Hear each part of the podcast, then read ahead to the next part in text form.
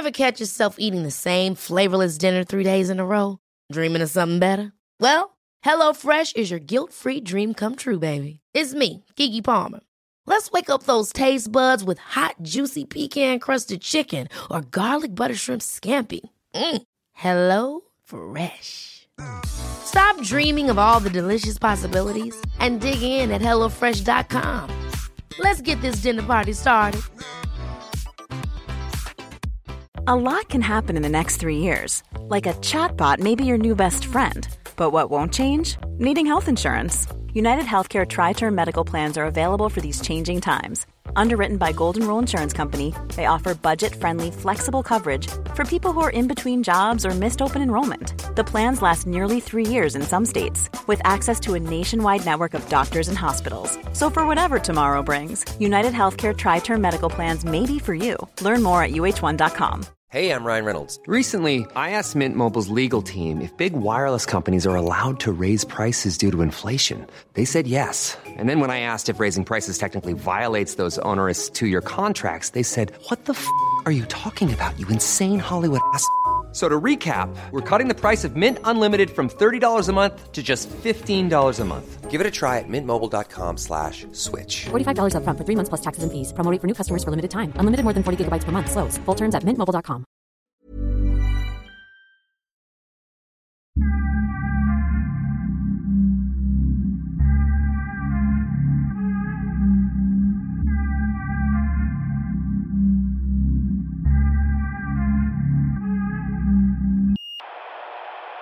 Okej, får, jag, får jag inleda med en, en liten frågesport? Bara på en fråga. Vem sa det här? Och nummer två, blev ni förvånade? To all of those who have asked, I will not be going to the inauguration on January the 20th. Too easy man. Är ni förvånade? Nej. Han kommer Jag är gå till förvånad att han inte sa det.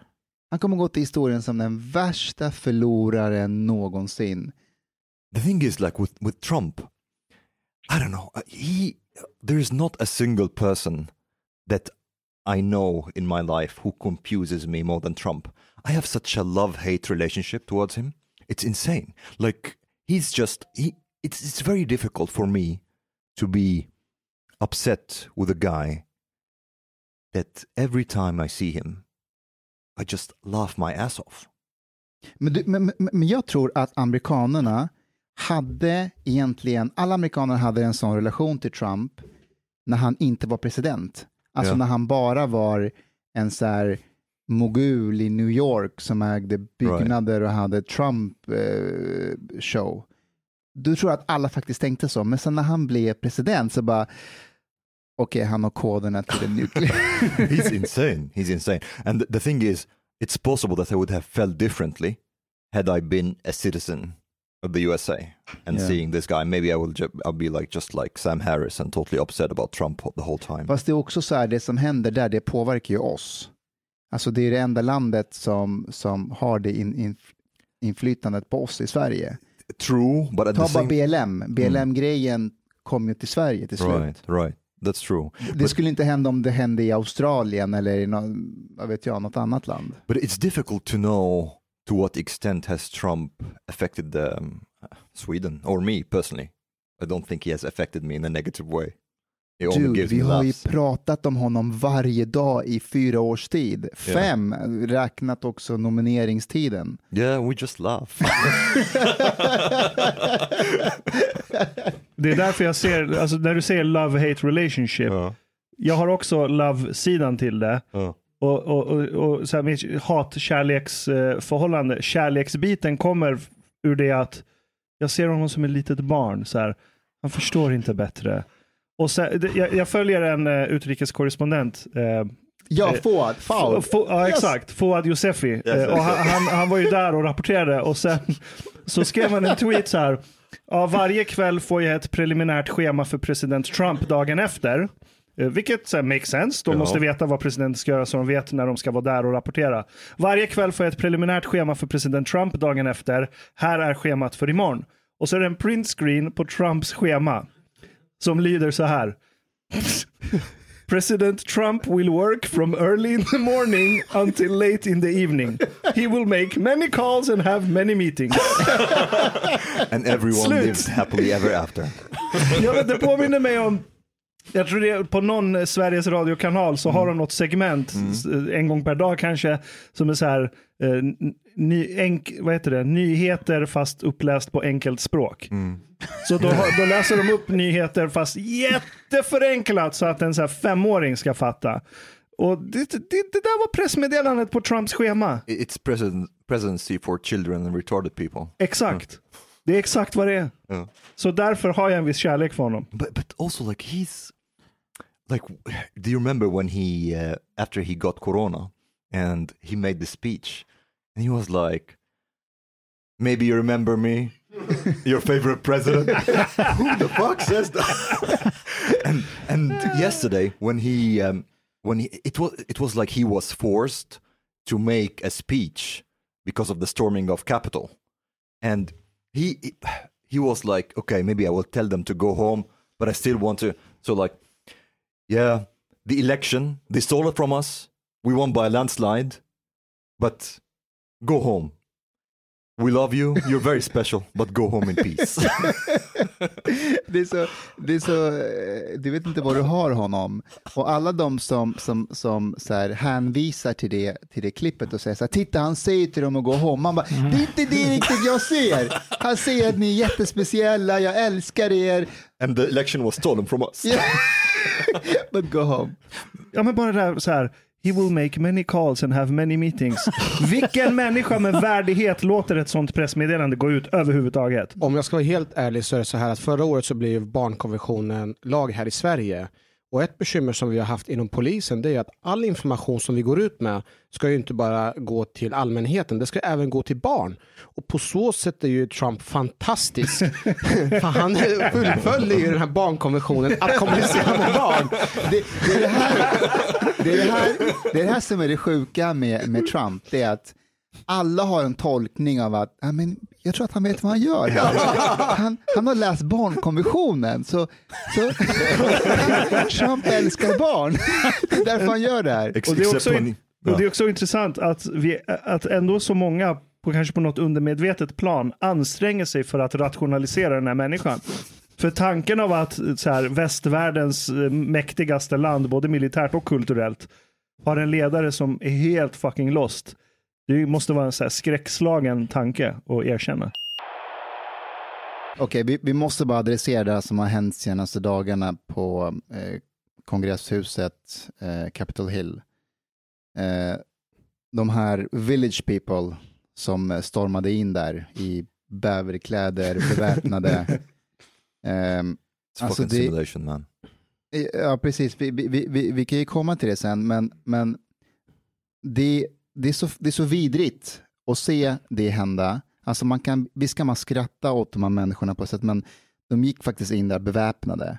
Och det, det är en kvinna som, som dog och, och, och tre andra som också dog av medicinska skäl. Ehm, alltså världen tittar ju på det här landet, för det är liksom världens största demokrati. Jag, jag tror att Kina sitter och, och är skitglada över det här. Mm. Ehm, ehm, Ryssland också. Ryssland också och, och Nordkoreas Iran. ledare tänker att Iran, fan, ja. det är kanske jag som är den, den normala här när Mm. han ser liksom, de här människorna storma in. Men jag märker också att i mitt flöde på sociala medier hur, hur, hur polariserat det ändå är. Alltså att det här sker framför våra ögon.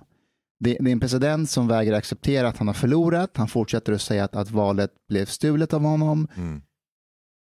Och de här människorna går in beväpnade, eh, tar över hela kongresshuset och så har vi människor som ser det här live och det första man tänker på är ja, men Antifa i somras då?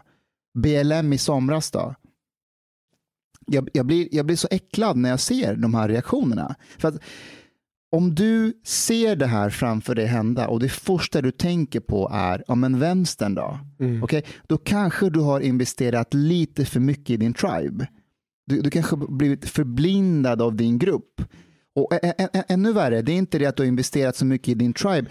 Din förakt för den andra sidan är så stor så att du, du ser inte dina egna blinda fläckar hos dig Nej. själv i, i din egen grupp. Det, det, jag, vet, jag, jag, jag, jag är en stor fotbollsfan, eller var en, en gång i tiden. Jag, jag följde Barcelona en gång i tiden och vet, varje match, varje rapportering, jag hade superkoll på spelarna.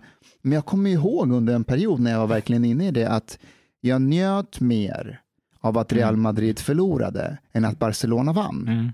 Därför att jag var så inne i det. Och, och, och jag ser liknande tendenser här. Mm. Skillnaden är bara att det går beväpnade människor in och tar över kongresshuset och folk bara, ja men Antifa då? Såg du att en av bilderna så var det en person som var helt maskerad och sen så hade den så här remmar. Eh, typ så här som poliser har. Handklovoremmar eller? Ja. What the fuck? But, but they, they Vad have, fan tänkte de? Ska de gå dit och kidnappa? no, but I, but I Ta think gisslan? they had like all kinds of like really strange costumes. But this is like a very interesting phenomenon in a way because some of them are dressed in these furs and stuff like the berserkers, you know. Uh, but but I saw somebody in New York Times that wrote that they were dressed for chaos. I like that expression because this is actually what I feel these people are. They remind me also a little bit of the the Joker, the movie. It's it's a very similar actually uh, feeling. Um, Liksom ingen, ingen, no cause, no purpose. yeah, it's it's pure pure nihilism in a way. Even though they, you know, like uh, one of these movements that is really participating in all this is QAnon. Have you heard about QAnon? Berätta om Qanon. Yeah, so QAnon, it's um, it's basically a conspiracy theory movement that started uh, mainly on 4chan, and it's about this that there is a cabal of Satanist, uh, Satan worshipper pedophiles that are in charge of the world, and Trump is leading some kind of like um, battle against them.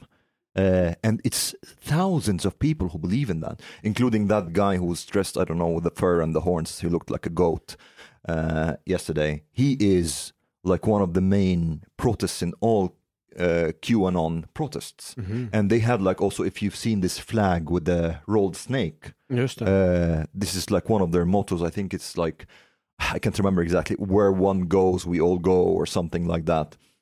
And it's it's so interesting that something as insane as this can be so capturing and captivating in that way, but i it's really like you feel like it's almost like a nihilist movement. Och jag, och jag förmodar att president Trump självklart har tagit avstånd från den här gruppen och fördömt varenda handling. You know what? He was asked one time in an interview about this movement. He was like, "Yeah, I don't know a lot about QAnon. I heard that they love me very much, and I like that."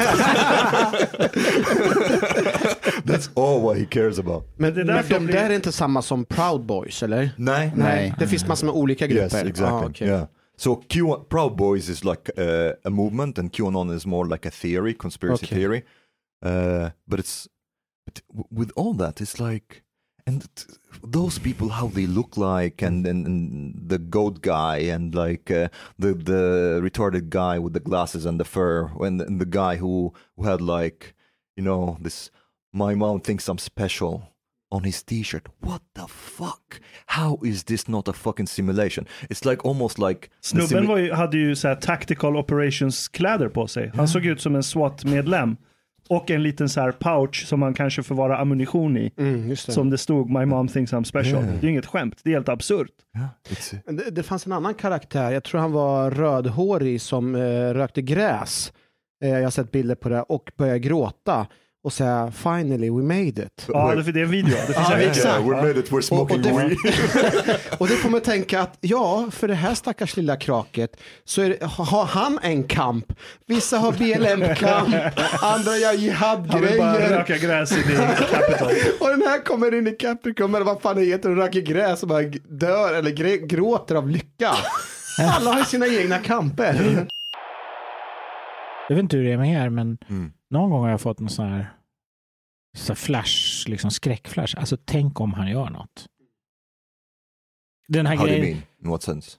Eh, ja, men, alltså han har ju, han har ju liksom, det är ju en snubbe som har koden. Yeah, Mm, it's, mm. fucking insane. Mm. Ja. Mm. Och jag, jag, jag, fick, jag hade den här associationen till, ni kommer ihåg den här tyska piloten som blev deprimerad då. Tog livet av sig och körde planet Ja, rakt ner det, i vägen. så. Och det är ju en så här, det är ju en förståelig mänsklig impuls som vi har. Alltså går det åt helvete för mig, då tänker jag ta med mig allihopa ner i skiten. Oh, shit, you know? Eller hur? Alltså, Vi, vi, That's a really good point. Vi, vi, vi pratade ju om um, Jonestown. ja, precis. Berätta Johan om Jonestown. Jonestown var... Eh, det, min, min farsa kommer från Guyana, British Guyana hette det tidigare. Och det, det är som rövhål i världen. Det är verkligen nej, men det är en sorglig plats. Jag har varit där en gång. Eh, och eh, vi som misskött ställe, en liten engelsk koloni. Och eh, det alltså, skojade om att det enda de är kända för det är Jonestown och det var någon snubbe på 60 Jim Jones. Jim Jones. På, så han startade någon People's bla bla, Church i Kalifornien förstås. sekt, en en sekt. Och så tog han med sig hela den här sekten på det var ett par hundra människor.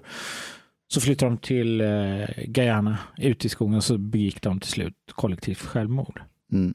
Och Det har du säkert hört talas om. Det var alltså- det är liksom hundra pers. En oerhört karismatisk sektledare som ändå övertygade alla de här medlemmarna att följa med honom till, till Sydamerika och Ja, Just det, det där dokumentären har jag Ja. sett. Ja. Och, då, och, jag menar, och i början lovade han ju liksom, det var ju kärlek. Liksom. Mm. De, de skulle skapa sig en fristad och så.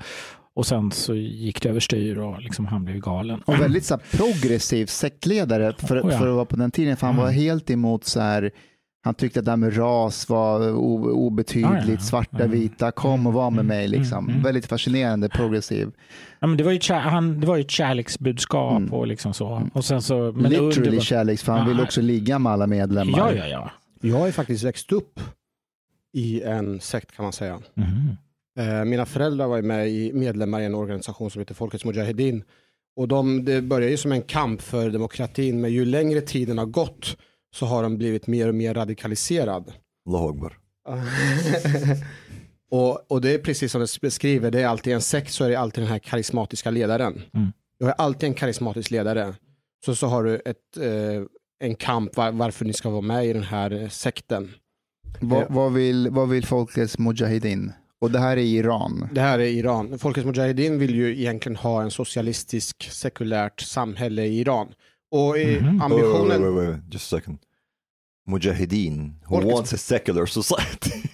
Ja, men alltså det, det, det Så här det, folkets, det, som var, det som var speciellt med Folkets Mujahedin, det var att de för, eh, förenade socialism med marxism.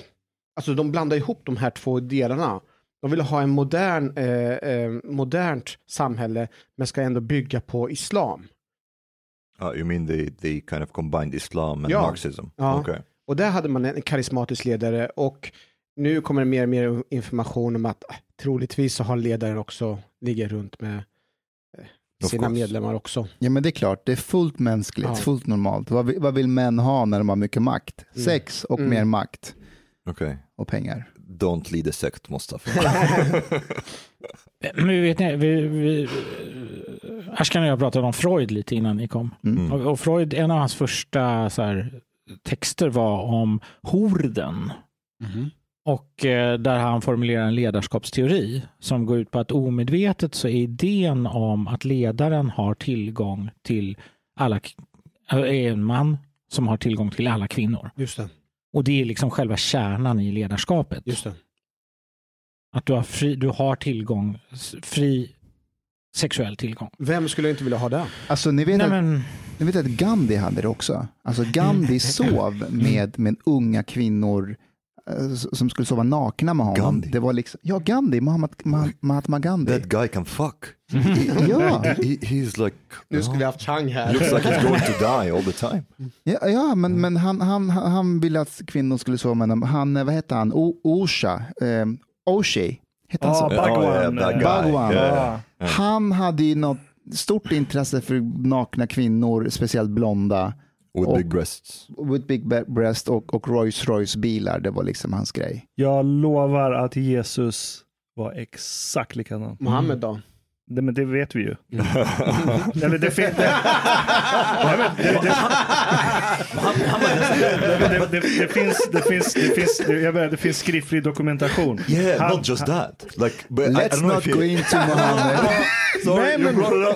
Nej, men alltså, han, han levde ju långt senare än Jesus. Vi var bättre på att dokumentera saker. Jag menar, det finns fortfarande folk som ifrågasätter om Jesus överhuvudtaget fanns eller inte. Yeah. Men om han fanns så låg han jävligt mycket med kvinnor på en så här patologisk nivå. För att om du tror att, jo, för att om du tror att du är världens frälsare, eller om du tror att du är någons frälsare för den delen, alltså då har ju din narcissism och meter gått överstyr. Så då utgår du från att du förtjänar att få exakt det du vill.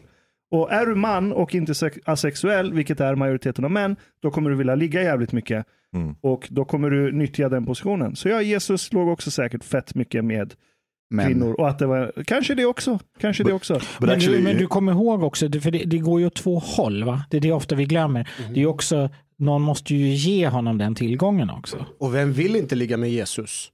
Precis. Eller. Mohammed? Ja, men, och, och idén är att om du ger bort eh, liksom det, att, att du, du får ligga, det, det är då du blir ledare också. Det är förknippat med det.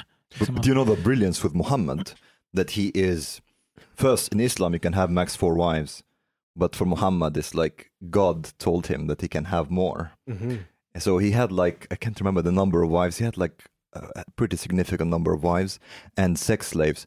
Not just that, he's like he had like a, a son, and his son is married to to a woman, and then Muhammad likes this woman, his wife's son, uh, his son's wife, and so he was like sitting alone sometime, and then you know Gabriel, the revelation comes to him, and Allah told Muhammad that he knows that in his heart he's desiring his son's wife.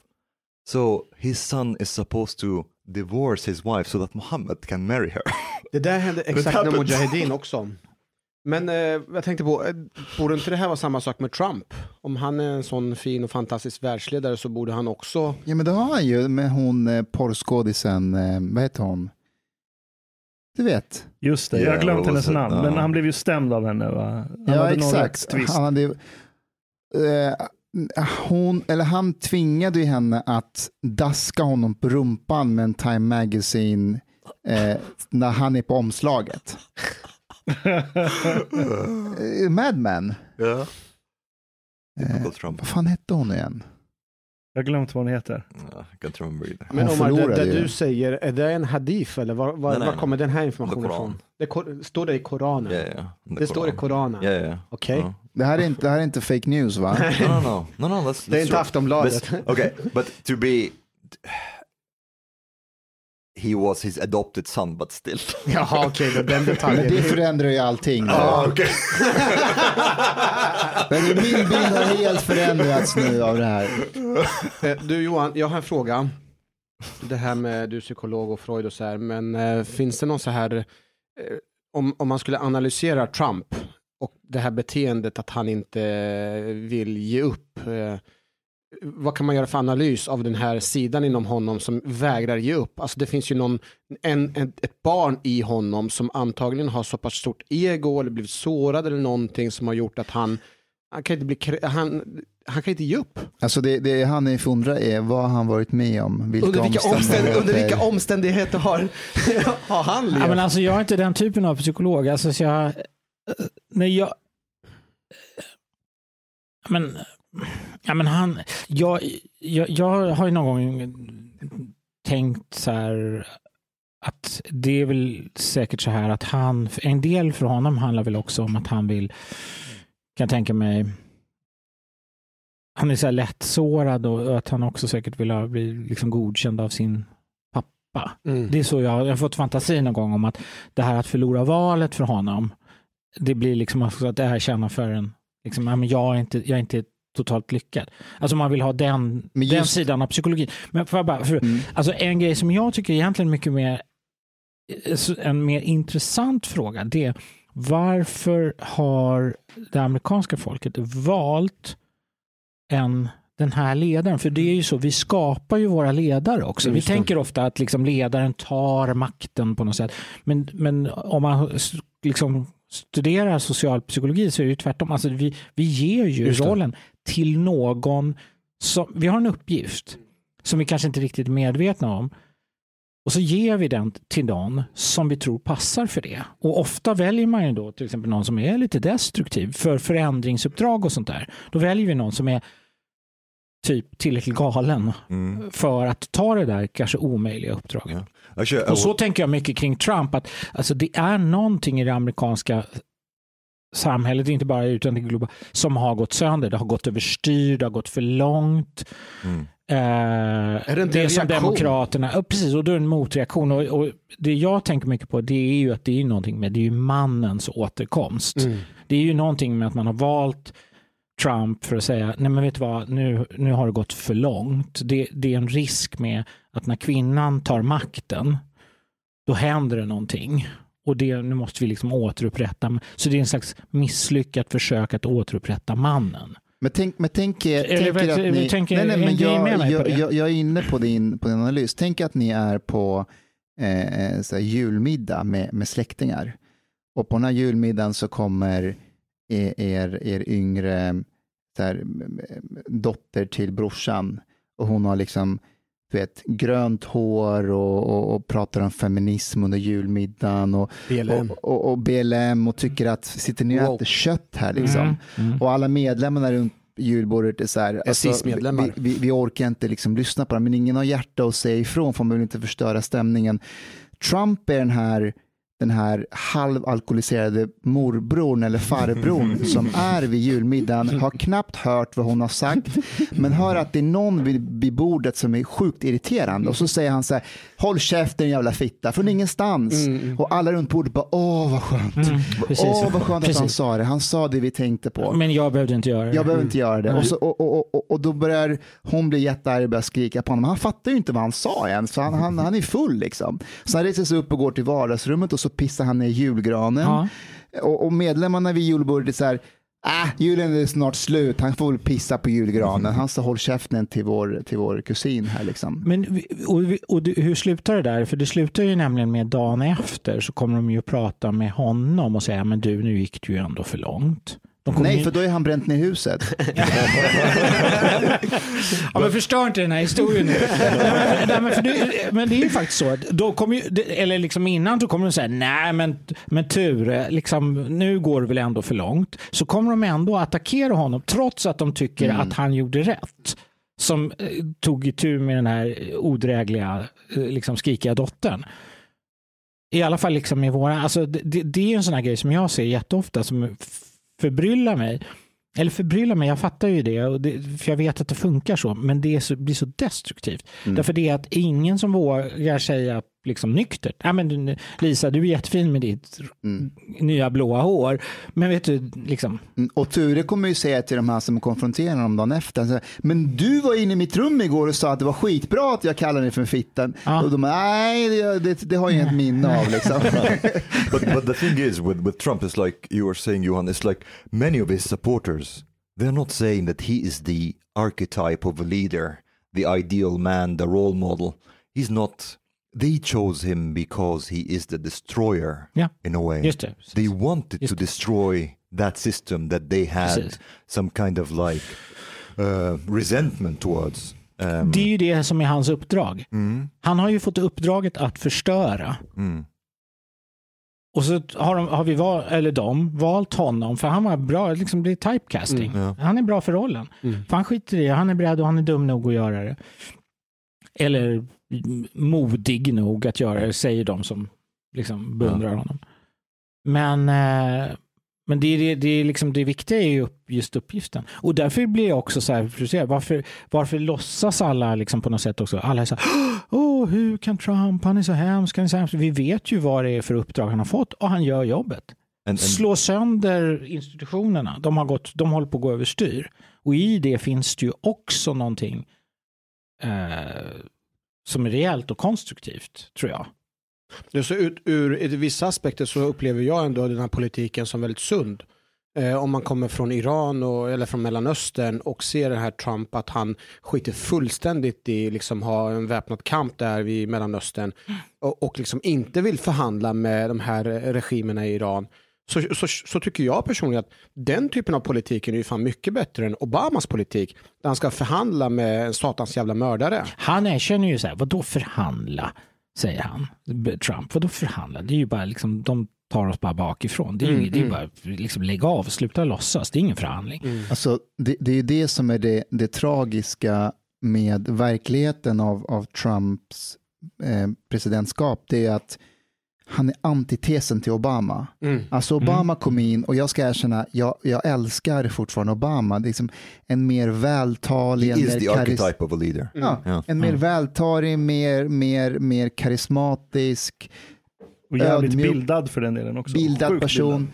som kommer in, Snygg. snygg, som kommer in och säger så här, jag ska prata med människor. Mm. Men problemet med Obama är att han tror, eller han ser på världen så som han, han är själv. Han, han är logisk, han är rationell, han tror att om jag bara pratar med människor så kommer de att prata tillbaka med mig. Men det är ju principer. Så funkar ju inte verkligheten. Uppe, han har Putin, han har, han har Nordkoreas ledare. Men när Trump kommer, jag tror helt ärligt att Nordkoreas ledare säger så här, okej, världen tycker att jag är galen, men den där snubben är fucking galen också. jag vågar inte tjafsa med honom. Nej, nej, Nej. precis. Och det är det, Trump pratar böndespråk på böndersvis. Jag tror att Putin känner samma sak, eh, Kim Jong-Un känner samma sak, men även Europas ledare är så här, okej, eh, vi måste förhålla oss på ett annat sätt mot honom, han kommer inte ta skit från oss. But you know what I, I'm thinking now? Maybe uh, I'll have a a Rasputin prophecy.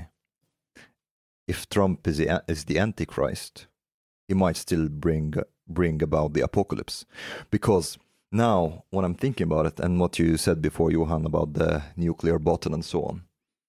If I was Trump, I would have fucking fired the nuclear. Come on, like I lost. I have this this like I'm, I'm insane and I'm so hurt inside. I'm the Antichrist. Of course I'll bring about the apocalypse. Of course. Men tror du att han, skulle han kunna, har han mandat att göra det nu? Ja. Ja. Nu, nej, men Ja. kom igen. He's Han, still the president. Jag vet, fast, fast jag har svårt att tro, nu när alla har lämnat honom, det här är ju en ovanlig situation i, Amerik- i, i, i historien. Om han säger så här, jag vill ha koderna, Tror du att de har afghanska regler där? Reglerna gör gällande att han ska hålla i det här. Så jag vill minnas, det här är bara kanske en efterkonstruktion för min egen så här, psykologiska trygghet.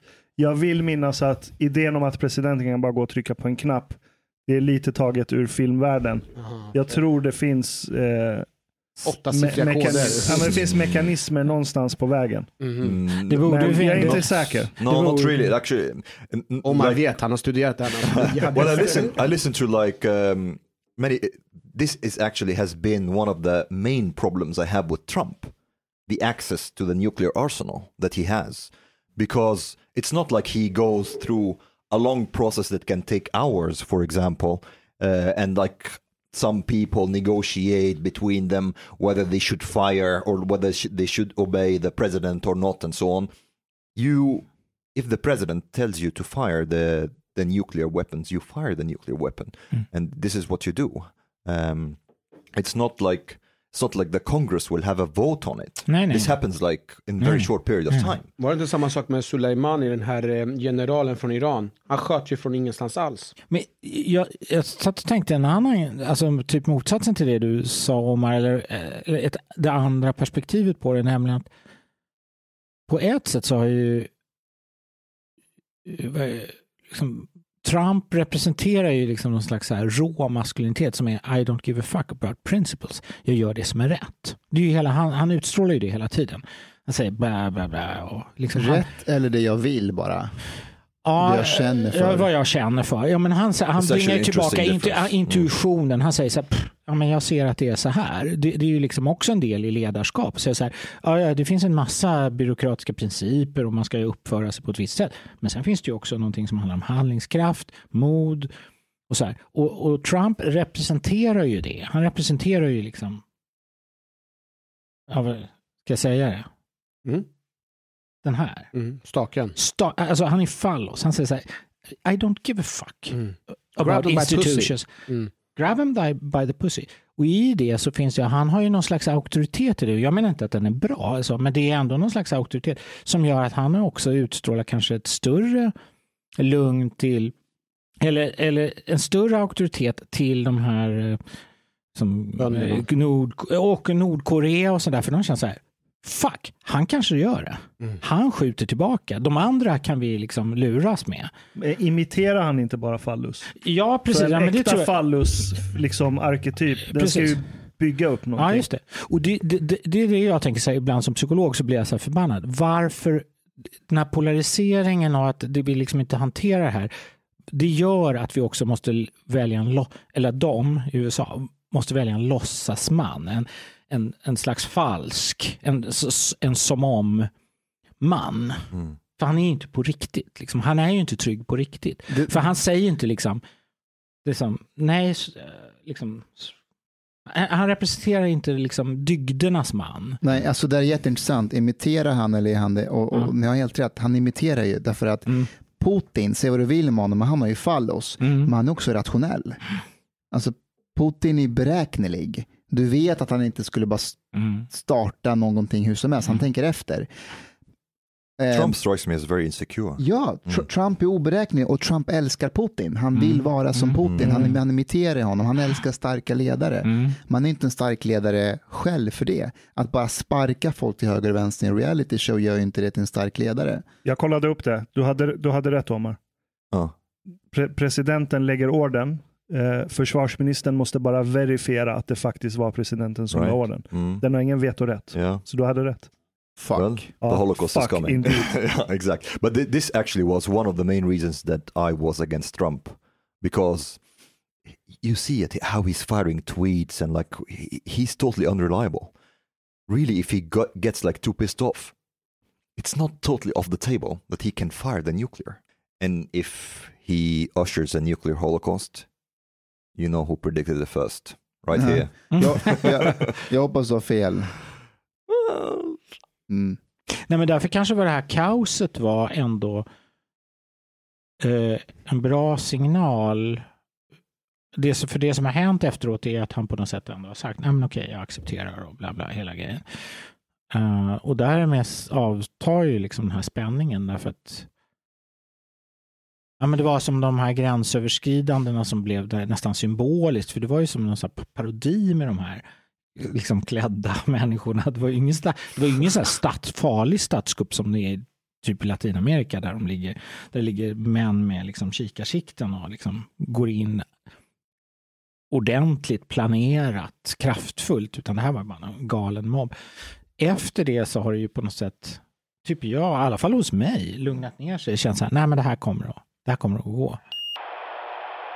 you know talking about these these guys who are dressed in like furs and like uh, they have sticks and i don't know what it's actually in a way i can understand them that's not justifying but i can understand these these guys they are a little bit lost and there is some kind of desire for for them to channel this violence that they feel inside. These guys kind of like want to go to war. They invent a cause like i i that guy let's let's play that uh, that video with the goat guy. Eh, shaman clip. yes. So this this is one of the the the guy who's uh, with the horns and stuff and he's like one of the main protesters all the time at the qanon protests And so, as a shaman, I am like a multidimensional or hyperdimensional being, okay? I am able to perceive multiple different frequencies of light beyond my five senses. And it allows me to see into these other higher dimensions that these entities, these pedophiles, these rapists, these murderers, these really high up people, that they almost like hide in the shadows in. Nobody can see that because the third eye ain't open.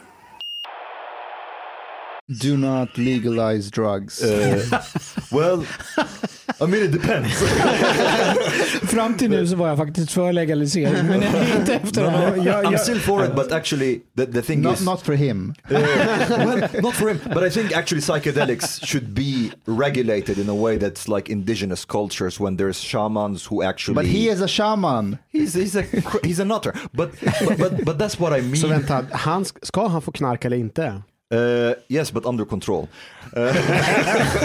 Vem ska kontrollera det här? Well, they're designated shamans, but uh, but but the thing is, with, with that guy and guys like these, they are looking for a holy cause to fight for. So he's like he's like saying, "Yo, I'm seeing these these like pedophiles, these rapists, these murderers, and they feel like they are on a holy war in a way, and they they they don't find any kind of like a channel to direct this violent energy that exists in many men, including us. Och det är just det som är det farliga. Det farliga är egentligen inte den världen de har skapat, som han pratar om, pedofiler och vampyrer och allt det där. Det farliga är vad de kommer att göra åt för att bli hjältar i den här kampen. Och då, det är som det vi såg här igår, att de bara går in beväpnade i, Precis. i kongresshuset. Ja. Så jag vet inte hur man, hur man ska komma åt de här människorna, man kan ju inte debattera mot dem. Jag kommer ihåg. är de farliga? Alltså, Alltså, om, om, They- they om, de, om de här personerna hade varit, eh, så här, hypotetiskt, om det här hade varit eh, svarta personer som hade attackerat den här byggnaden, ja. hur tror ni att vi skulle uppfatta dem då? Jag tror att man skulle uppfattas mer farliga, men de här, i och med att de klär sig så uppfattas de inte så farliga. Jag De skulle bli skjutna med en gång om de var svarta. Actually, actually, this is also another thing that's weird. How the fuck did they get in? Just det, för, för en How grej som det fuck? diskuteras, en, en grej som diskuteras i USA, det är ju kritiken mot poliserna. Att de Eh, släppte in, de att blev det- insläppta i princip. Att de blev insläppta. Och, och här finns ju mycket att säga för att alla poliser som har jobbat, jag vet inte om du har gjort det Mustafa, men att eh, ha hamnat i någon form av underläge. Alla poliser som har någon gång hamnat i ett underläge där det finns ett stort tryck, man gör vad som helst för att kunna rädda sig själv. Eh, som det är hundra personer runt omkring mig eh, som kräver att jag ska knäböja. Jag skulle säkert göra det. Och samma sak här. Eh, så gör man allting för att slippa och liksom bli liksom dödad. Men det, vi, vi hade ju också, strange. det är jättekonstigt att inte det planerades i förväg att det var mycket mer resurser. Mm. Alltså man kunde sätta dit, sätta dit ordentliga resurser. Men, men det här är jätteintressant. På TV4 när, när det här hände så satt jag och lyssnade på Porseryd, heter han. Och han sa egentligen, eh, utan att säga det då, för det kunde han ju inte göra, att det här är eh, han presenterar en konspirationsteori, nämligen att det här är Trump som har ordnat detta. Så att det inte finns något försvar. Mhm. Alltså han har liksom, vem, typ, vem lurar ni? Det I vanliga fall går det liksom 2000 poliser utanför, nu är det ingen. Ja, det är Och jag konstigt. reagerade samtidigt väldigt starkt på det, för det är ju konspirationsteorier. Och, och en grej som jag har hållit på med, som är jävligt intressant, det är när man tittar på så här sociala system. Då kan man titta på dem och tänka att, och se, det har jag sett många gånger, så här, liksom lite mer experimentellt, hur ett system skapar ett drama tillsammans utan att folk riktigt vet om det, där polisen och olika olika delar, olika roller medagerar i något som man inte fattar vad det är. Och det tror jag är mycket mer rimligt sätt att tänka. Så här, vad var det som gjorde att skalskyddet inte fanns där, uppenbarligen? Och hur har det gått till? Och då kan vi hemfalla till liksom konspirationsteorier. Ja, men Trump ordnade allting, typ. Eller så kan man tänka att det här är något större skeende som man, liksom sam, man skapar tillsammans, alltså det amerikanska samhället, den amerikanska demokratin. Så, och frågan är, vad betyder det? Vad, vad, vad är det som gör att det blir den här lite löjliga revolutionen? För den är ju på något sätt helt ofarlig ändå. Även symboliskt är den inte det, men reellt är den ju faktiskt inte särskilt farlig. Det är några tokstollar som springer runt och slår in rutor och det är jävligt otrevligt. Men det är faktiskt inget reellt hot. But but but the there were several people who were killed. Ja, absolut, ja, men jag menar, det, är inte, så det, är ingen, det är ingen skitsak. Men vad, Symboliskt när du är det säger att det inte är men farligt, det- vad menar du exakt? Menar du på att det inte skulle bli Ja, men någon om, det vore, om det vore en riktig statskupp, jag menar vad fan, då skulle det ju liksom vara armé, alltså det skulle ju gå till på ett helt annat sätt. Så hot mot demokrati, eh, det köper jag inte heller. För eh, historiskt sett, när det har varit statskupp och när det har varit övertagande av makt, eh, dels så tenderar det att komma inifrån själva maktsystemet oftast. Det är inte några så här totala outsiders till galningar som de här. Och de är inte klädda i horn. de är inte klädda i horn heller. Eh, Men också, det, och sen finns det någon så här folklig idé om att revolutionen sker av folket. Att det är de på golvet och bönderna och de fattiga som tar tag i saken och rensar ut den korrupta makten. Men så är det inte heller historiskt. Det är oftast medelklass och eller över medelklass Precis. Som brukar initiera och leda Och det var inte de som var på Det var Capitol, det var inte de som var på Capitol Hill, Nej, utan det var ju liksom uh, the peasants.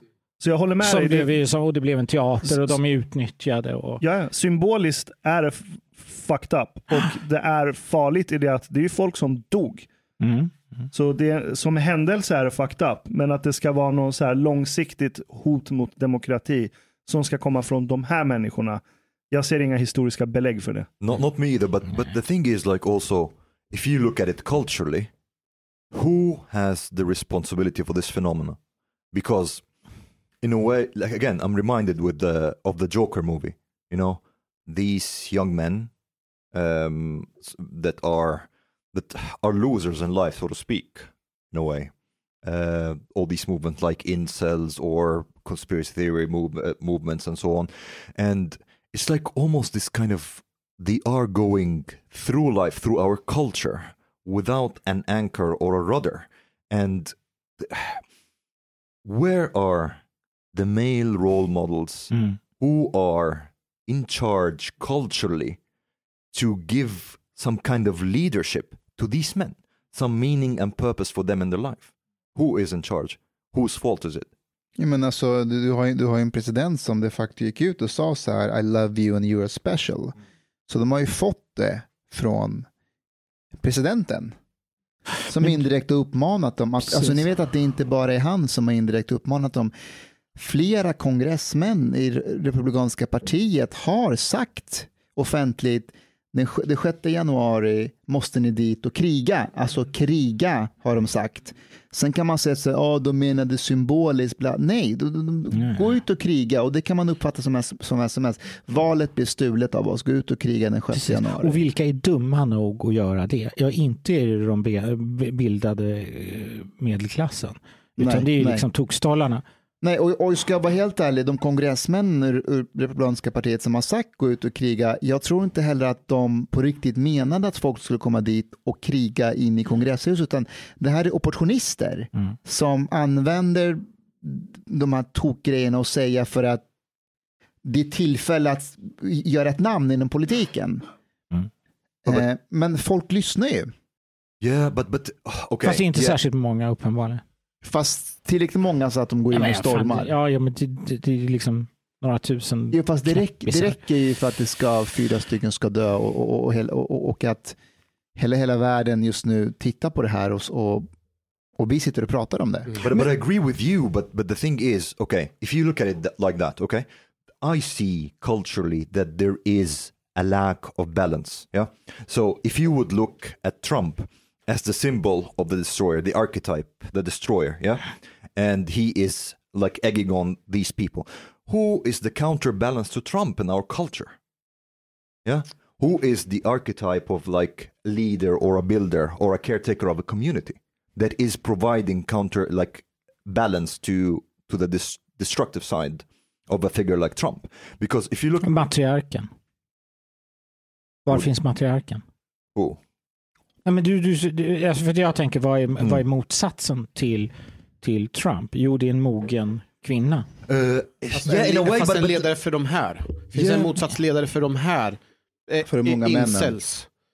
yeah, but but I would say I, I see what Aha, you're saying. Johan. But but I would say that for me, Trump is not necessarily the the male. He in a in a social cultural context, he would be the outlaw figure Ja, ja. more than the leader figure. Who is the leader figure? tänk Du dock menar den på manliga? Att, tänk Ja. dock på Den att man. Trump som rörelse och som person växte fram Mm. när USA ändå hade en så kallad typisk ledararketyp, Obama. Mm. Just det. Så om det är arketyp, en manlig led, om det är patriarken som saknas, eh, nu har vi inte gått in på matriarkrollen än heller, men om det är patriarken som saknas, då borde Obama presidentskapet, som ändå varade i åtta år, ha totalt eh, stävjat eh, uppkomsten av Trump. Så jag, det kan nog inte ligga där heller. Men man brukar ju säga att, liksom att det slår emellan för att kan det vara så på ett sätt är ju nästan Obama, han är ju nästan övermänsklig. Liksom. Mm. Mm. Han är som idealet. Liksom. Ja. Eh, och, och, och Trump kan man ju se som någon slags motpol då. Liksom. Och det kanske skulle behövas någon, det är väl frågan om vad blir nästa ledarskap i USA nu? Biden, Mm. vad representerar han? Döden. Ja, ja, nej, men alltså, jag tycker, inte, jag tycker yeah. inte att han representerar, det, det slår mig, jag har inte tänkt på det nu, men jag tänker nu att egentligen skulle man vilja ha någon kanske balans i någonting mellan Obama och Trump. Därför Obama var så otroligt liksom elegant, det var institutionen, alltså han representerar ledars, ide, idealet av ledarskap. Mm. Men han kanske inte liksom fick den kraften som han hade behövt då heller. Fast det fick ju han under två mandatperioder. Alltså han var ju, första mandatperioden var ju han älskad i, Ja. av Demokraterna. Ja. Eh, och skulle jag, alltså, om, om, om ni kommer ihåg när han blev vald, Mm. att eh, Colin Powell, Mm. eh, var han eh, Försvarsminister, försvarsminister, va? eh, republikan som bytte sida eh, och sa att han röstade på Obama. Ja, just det. Mm, mm. Eh, så det, det fanns ju verkligen hopp och, och, och change och, och så här. Men andra mandatperioden så tyckte man ju att business as usual med honom. Mm. Att han polariserade mer, han tog inte polisens sida och han var ju verkligen klämd i ett hörn Mm. när den här eh, mordet på den här unga svarta killen skedde av den här mexikanen. Då kände man att han inte försvarade polisen. Att han, och, och sanningen är att Obama faktiskt polariserade mer rasfrågan eh, under sin andra mandatperiod än, än att han liksom minskade den. Därför att det blev mycket fokus på rasfrågan mer eh, Mhm. under, hans, under hans tid. Alltså man trodde att han skulle bli en symbol för att hej, färg spelar ingen roll. Mm. Men att det snarare blev tvärtom. But, but but you know also I think if we stay a little bit with like symbols and archetypes and so on, I think in a way if Trump would be the destroyer, the outlaw, Obama would be kind of like the wise man. Mm, but I think mm, like there is the archetype of a the warrior slash hero that is a bit still missing in the culture. Absolute. Yeah. So so that I see there is nobody that's st- stepping up and taking this this role in in Western culture in general, and there has also been kind of like uh, how to say like a demonizing of masculinity in Western culture in a way that created a lot of resentment among many young men. And the the more they showed this resentment, the more they got ridiculed, or the more that they they showed that they are comfortable with that. They're like, ah, mm, hurt male feelings and you know, male tears, and uh, you know what, um, your masculinity is being hurt, and so on. But this, I think, in in, in Western culture, has been really destructive, um, and I think all this is partly a symptom of that. Det finns en bok som heter Can it happen here? Mm. Och det är en antologi där olika tänkare från olika discipliner diskuterar huruvida risken för att fascism återuppstår i väst. Och det är ett kapitel som är skrivet av socialpsykologen Jonathan Haidt och en eh, fascismforskare egentligen som forskar på just fascism och auktoritära rörelser och sådana här. Eh, Karen Stenner heter hon. Eh, I det kapitlet så tar, det, det kapitlet bygger på en studie där man kollar auktoritära tendenser bland människor och de har använt data från tvillingstudier. Och deras tes är att cirka 30 procent av populationen, vilken population som helst, nu har de gjort den här studien på europeiska populationer, men jag skulle gissa att det går att extrapolera. Och i och med att de har använt tvillingstudiedata så tyder det på att det här ligger genetiskt. Den aktiveras beroende på hur miljön runt omkring dig Ah, ser ut. Så beroende på hur samhället du befinner dig i ser ut så kan den här genen aktiveras. Och då är det cirka 30% som får den här genen aktiverad och blir de här så kallade populisterna eller auktoritära. Och rent evolutionärt kan du argumentera för att det här är ju inte en bugg egentligen. Det är ju en faktiskt fantastisk funktion.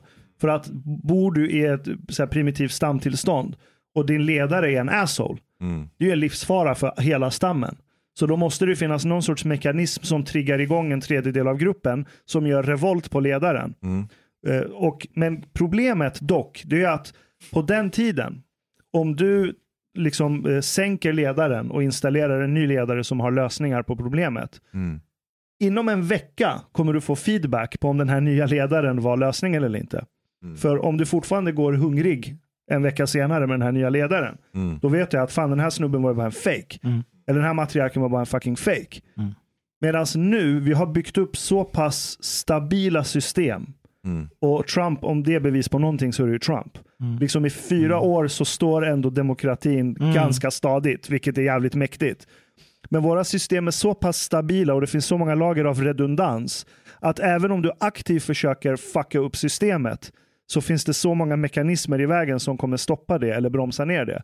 Så även om man gör en revolt mot ledaren och slänger in, nu var det inte en revolt, men om man röstar in en Trump-karaktär så tar det jävligt lång tid innan du kan utvärdera om den här populisten eller auktoritära karaktären faktiskt sitter på lösningarna som den här genen är utvecklad till att göra. Det var en revolt. Det, på Må- ett sätt var det en revolt. ja, ja, det var må- en total outsider, politisk outsider som kommer Ja, in och tar var, ja, men det var en revolt mot byråkratin och, och liksom... Symboliskt var det det. Ja, absolut. Ja. Och, och, och, och konkret. Alltså, det var hans uppdrag och jag tror att det var det är ungefär som en skogsbrand. Alltså den, det är också, okej nu har institutionen och byråkratin gått, den tenderar att gå för långt och globalismen och allt sådär så vi måste hejda den lite grann. Så, så, så i alla fall kan jag förstå det. Alltså också förstå det, det som händer i något slags konstruktivt som att bara, liksom, vi bara förfasas. Och för övrigt är, tror jag att det där är en underdrift om att 30 procent av den här auktoritära vi vet ju från såna här socialpsykologiska studier och jag menar 80 procent av oss är beredda att döda Mm. om en auktoritet säger åt oss att göra det. Sure, sure. den siffran, eh, siffran kan säkert fluktuera. Jag ville bara koppla tillbaka det till arketyp-grejen. Mm. att Tänk om det är så att även om du har en perfekt ledare på papper, om det inte finns resurser som den här ledaren kan hjälpa gruppen att nyttja för att förbättra livstillståndet för gruppen, så kvittar det ju vilken ledare du har egentligen. För det kommer bli ett omöjligt jobb som ingen ledare kommer klara av att göra Right. om du är helt totalt slut på resurser. Och i, idag kan vi argumentera för att det Then you finns... have to go to war then. Ja, du går exakt. Du blir irrationell. Du blir crazy. Det kanske blir krig. Det Mm. No, I kanske... mean, like the leader himself maybe will have to take the people to war to raid other places if there Ah, are ja, no okej, resources. okej, nu förstår jag vad. Yeah. Absolut, Mm. ja, ja. Mm. Om det finns tillgång till andra stammar så Precis. självklart. Mm. Mm. Medan idag, visst, det finns säkert resurser till alla. Right. I alla fall här i väst. Men däremot, den här känslan som jag kommer ihåg att jag växte upp med. Mm. Att självklart kommer morgondagen vara bättre än gårdagen. Det är den här konstanta uppåtkurvan med förbättring. Den tror jag inte alla upplever idag.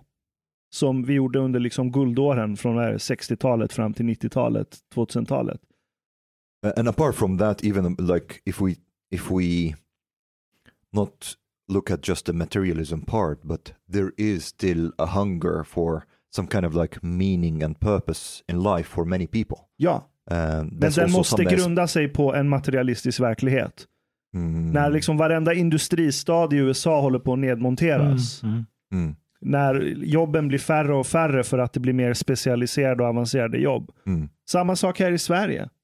Som kolla alla, alla bru, liksom bruksorter, de har ju lagt ner för länge sedan, flesta av dem. Folk flyr småstäder och försöker komma till storstäderna. I alla fall kringliggande områden runt storstäderna. Så sakta men säkert så byggs det ju upp en känsla hos en tillräckligt stor del av befolkningen i alla fall. Som blir så här, fan tänk om mina barn får det sämre än jag. mm. Yeah. So this is In a way, it's a question of materialism, circumstances, and biology and culture, in a way. En grej som jag hörde, det är att det här second amendment i Mm. USA med liksom vapenlagen, att ytterst så är det liksom på något sätt som jag inte begriper riktigt, en slags inbyggd säkerhetsfunktion i det amerikanska systemet. Det vill säga, när som helst, alltså alla har vapen, det betyder att ingen kan ta makten, även därför kan någon gå in och knäppa Trump. Fast, Och, och, och, att det är liksom, och sen om det är bra eller dåligt, men det är liksom en del av logiken runt second amendment. fast Johan, de har fucking drönare. Ja, De kan döda alla med fucking pistoler med drönarna. ja. Så det, ja, second amendment förr i tiden, Ja, ja, för då, ja. då tävlar man med samma vapen. Mm.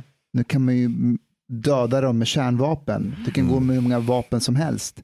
Det är en helt annan liga nu, alltså som Mm. eliten eller makten kan ha eh, tillgång till vapen. För, eh, för inte så länge sedan så var det någon, jag tror det var en iransk kärnforskare som var på väg hem i en bil tillsammans med sin fru. Eh, och enligt uppgifter så är det en drönare. Mm. Det, troligtvis var det Israel, det är vad i- iranerna skyller på. Kommer ner, the identifierar den här personen och bara avrättar den här personen. När han kör bil. Drönaren kommer och skjuter med någon form av eh, maskingrej. Det här är faktiskt en jävligt intressant eh, historiskt fenomen eh, som vi i princip inte får lära oss i skolan. Att så här, ah, vi fick demokrati för att några människor eh, tog tag i saken och började tänka rationellt och så kom man fram att demokrati är bra. Medan vapen och terrorbalans har haft en skitstor eh, inverkan på det här. Mm. Vilket kopplat till det du nämnde Mustafa, att så här, second amendment, den kommer från en annan tid. Och grejen är att en anledning till varför just västvärlden fick demokrati, den demokrati vi har idag, det är för att när industrialismen kom till, industrialismen kom till i Storbritannien och Storbritannien hade redan haft en sen modern eh, jordbruksrevolution innan. Vilket betyder att du hade folk på landsbygden som hade det jävligt gott ställt för de kunde producera överflöd eh, med sina jordbruk. Sen kommer industrin. Eh, Och i samma takt så moderniseras landsbygden så pass mycket att det finns människor på landsbygden som inte har något att göra längre. För att du har maskiner och apparater som kan ta över rätt mycket. Då kan de här människorna flytta till stan och fylla fabrikerna. Och vad fabrikerna gör det är att de börjar massproducera, vilket gör att saker blir fett mycket billigare, inklusive vapen. Och det bästa vapnet som fanns på den tiden, det var ju skjutvapnet. Så eller- till slut så kunde folk på landsbygden ha råd med samma vapen som våldsmonopolet i, som styrde landet hade. Vilket li- neutraliserar den här terrorbalansen. Så om du är statsmakten så kan inte du gå och tvinga folk till någonting. För att folket har samma vapen som du, plus de är fler än dig. Exakt. Då blir det så här, okej, då måste vi ha något sorts system där alla får vara med och bestämma. För vi kan inte tvinga på någon någonting. Tar du till exempel så här Ryssland eller Sovjet, Mm. eller innan Sovjet såklart.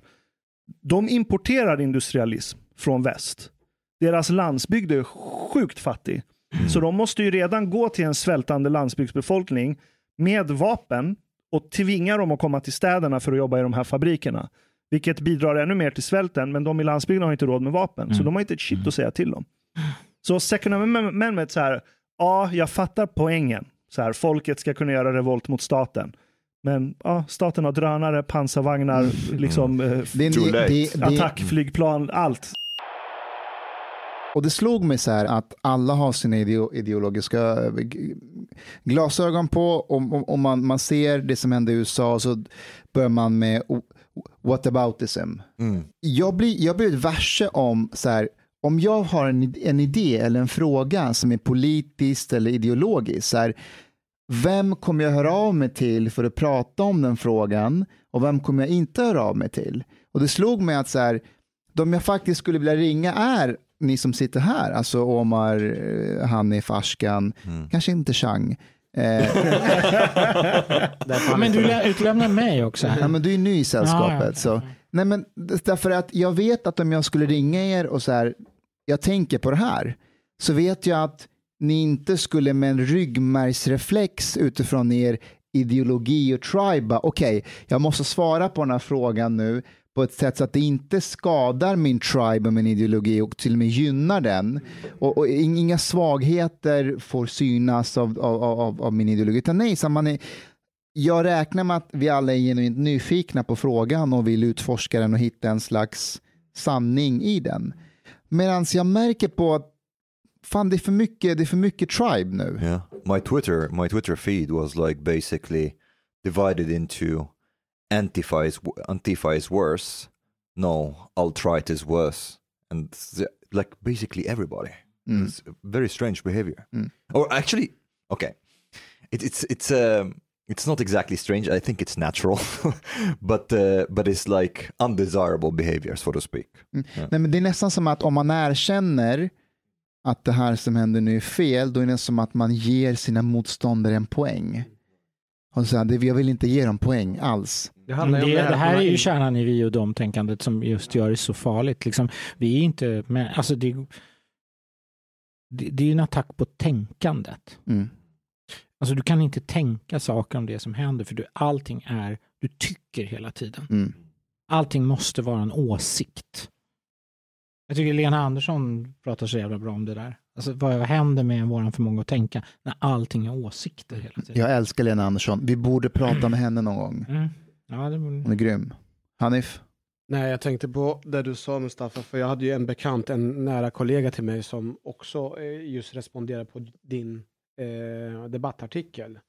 Att eh, även som, som vi pratade sist, att även hur mycket argument du har så kommer man ändå frågan till att, ja ah, men fan, gör han inte det medvetet för att gynna den Vem här var det gruppen? där? Vad heter han? Säg mig hans namn. Just just a second. The article about criminality or Ja, exakt, det här Ja. kriminalitet och värderingar och så. Right, right, Vadå right. medvetet? Ja, men det att du gjorde det medvetet för du vet vilka signaler du själv eh, trycker på när du skriver den här artikeln. Are you dog whistling, Mustafa? Du gjorde en hundvissling. Hundvisslingen. Och, och jag sa så här, det kan Are you vara... dog whistling to the Den police? är så vidrig. Men, men det är ju, där, där är det ju det här att när man har avsaknad av argument så går man på andra metoder. Och, ha- och det, han sa också så här, ja men förlåt att jag säger det, men det där är väl typiska så här husplattefasoner. Och det är en Eh, paranoid värld. mm. Därför det är också så här, det är hög status att jag kan avslöja någons dåliga motiv. Mm. Det är liksom, det är, det är sjukt. Alltså jag, jag, jag vet inte vad jag ska svara på en Nej, sån men vi har ju redan pratat om, vi har ju pratat om det här. Jag Det är- kan ju säga varför du gjorde det. Vi, eh, vi, vi har ju... För, för, ja, vi, ja. Nej, men jag, jag har förklarat, jag, jag gjorde det för att det är en, en, en intressant idé som jag tror på, som jag vill utforska vidare. Jag vill slå hål på att brottslighet har mer med moral och, och värdering att göra än vad det har med socio, socioekonomiska faktorer att göra. Kan jag få tycka det utan att min identitet som invandrare kommer in i leken? Alltså det är så... Eller Mustafa så sa du bara för att få ligga med en svensk Det tjej. finns, ju, det finns ju en ligg, det finns ju en ligg, alltså det, det kan vi väl ändå, Vi- vi- det, kan vi, vi, vi, det är väl ingen av oss som döljer att det finns ju en eh, liggstatus att synas och höras och debattera. Vi kan konstatera att alla här inne vill ligga. Ja. Alla vill ligga. Det är ingen som vill har. Och den som får synas och höras får ju kanske ligga mest. Okej, men jag, jag vill bara säga så här. Jag är i, i, i ett förhållande och jag är nöjd, jag Det är, är glad. Trump också. Ja, men jämför Mohammed med, var i, i förhållande och Jesus. Det innebär inte att man kan investera i sina liggpoäng inför jag vill, framtiden. jag vill varken jämföra mig med Trump, med Mohammed eller med Jesus. Vem är jag jämfört med Mohammed? Hugh Hefner då? Hej, där har vi någonting. Okay. Men du, okej, okej, okej, bara en nyfiken fråga. Bara, alltså, så här, och så här, bortsett från den här diskussionen om politik och debatt och sådär. När du skriver en sån här eh, artikel som ändå resulterar i väldigt många eh, ryggdunkar. Eh, Inte bara ryggdunkar, jag fick en massa skit Ja, ja, också. ja, ja, ja, du har ju den här vänstersidan. Eh, vilka, hur många procent andel är eh, så här ligg-request? Det vill säga tjejer som hör av sig så här, åh, jag tycker du har så coola, gulliga tankar, idéer.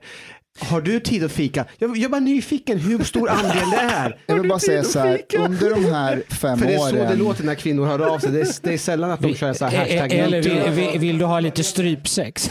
Det var, Strypsex, det kommer, det kommer också, men inte där.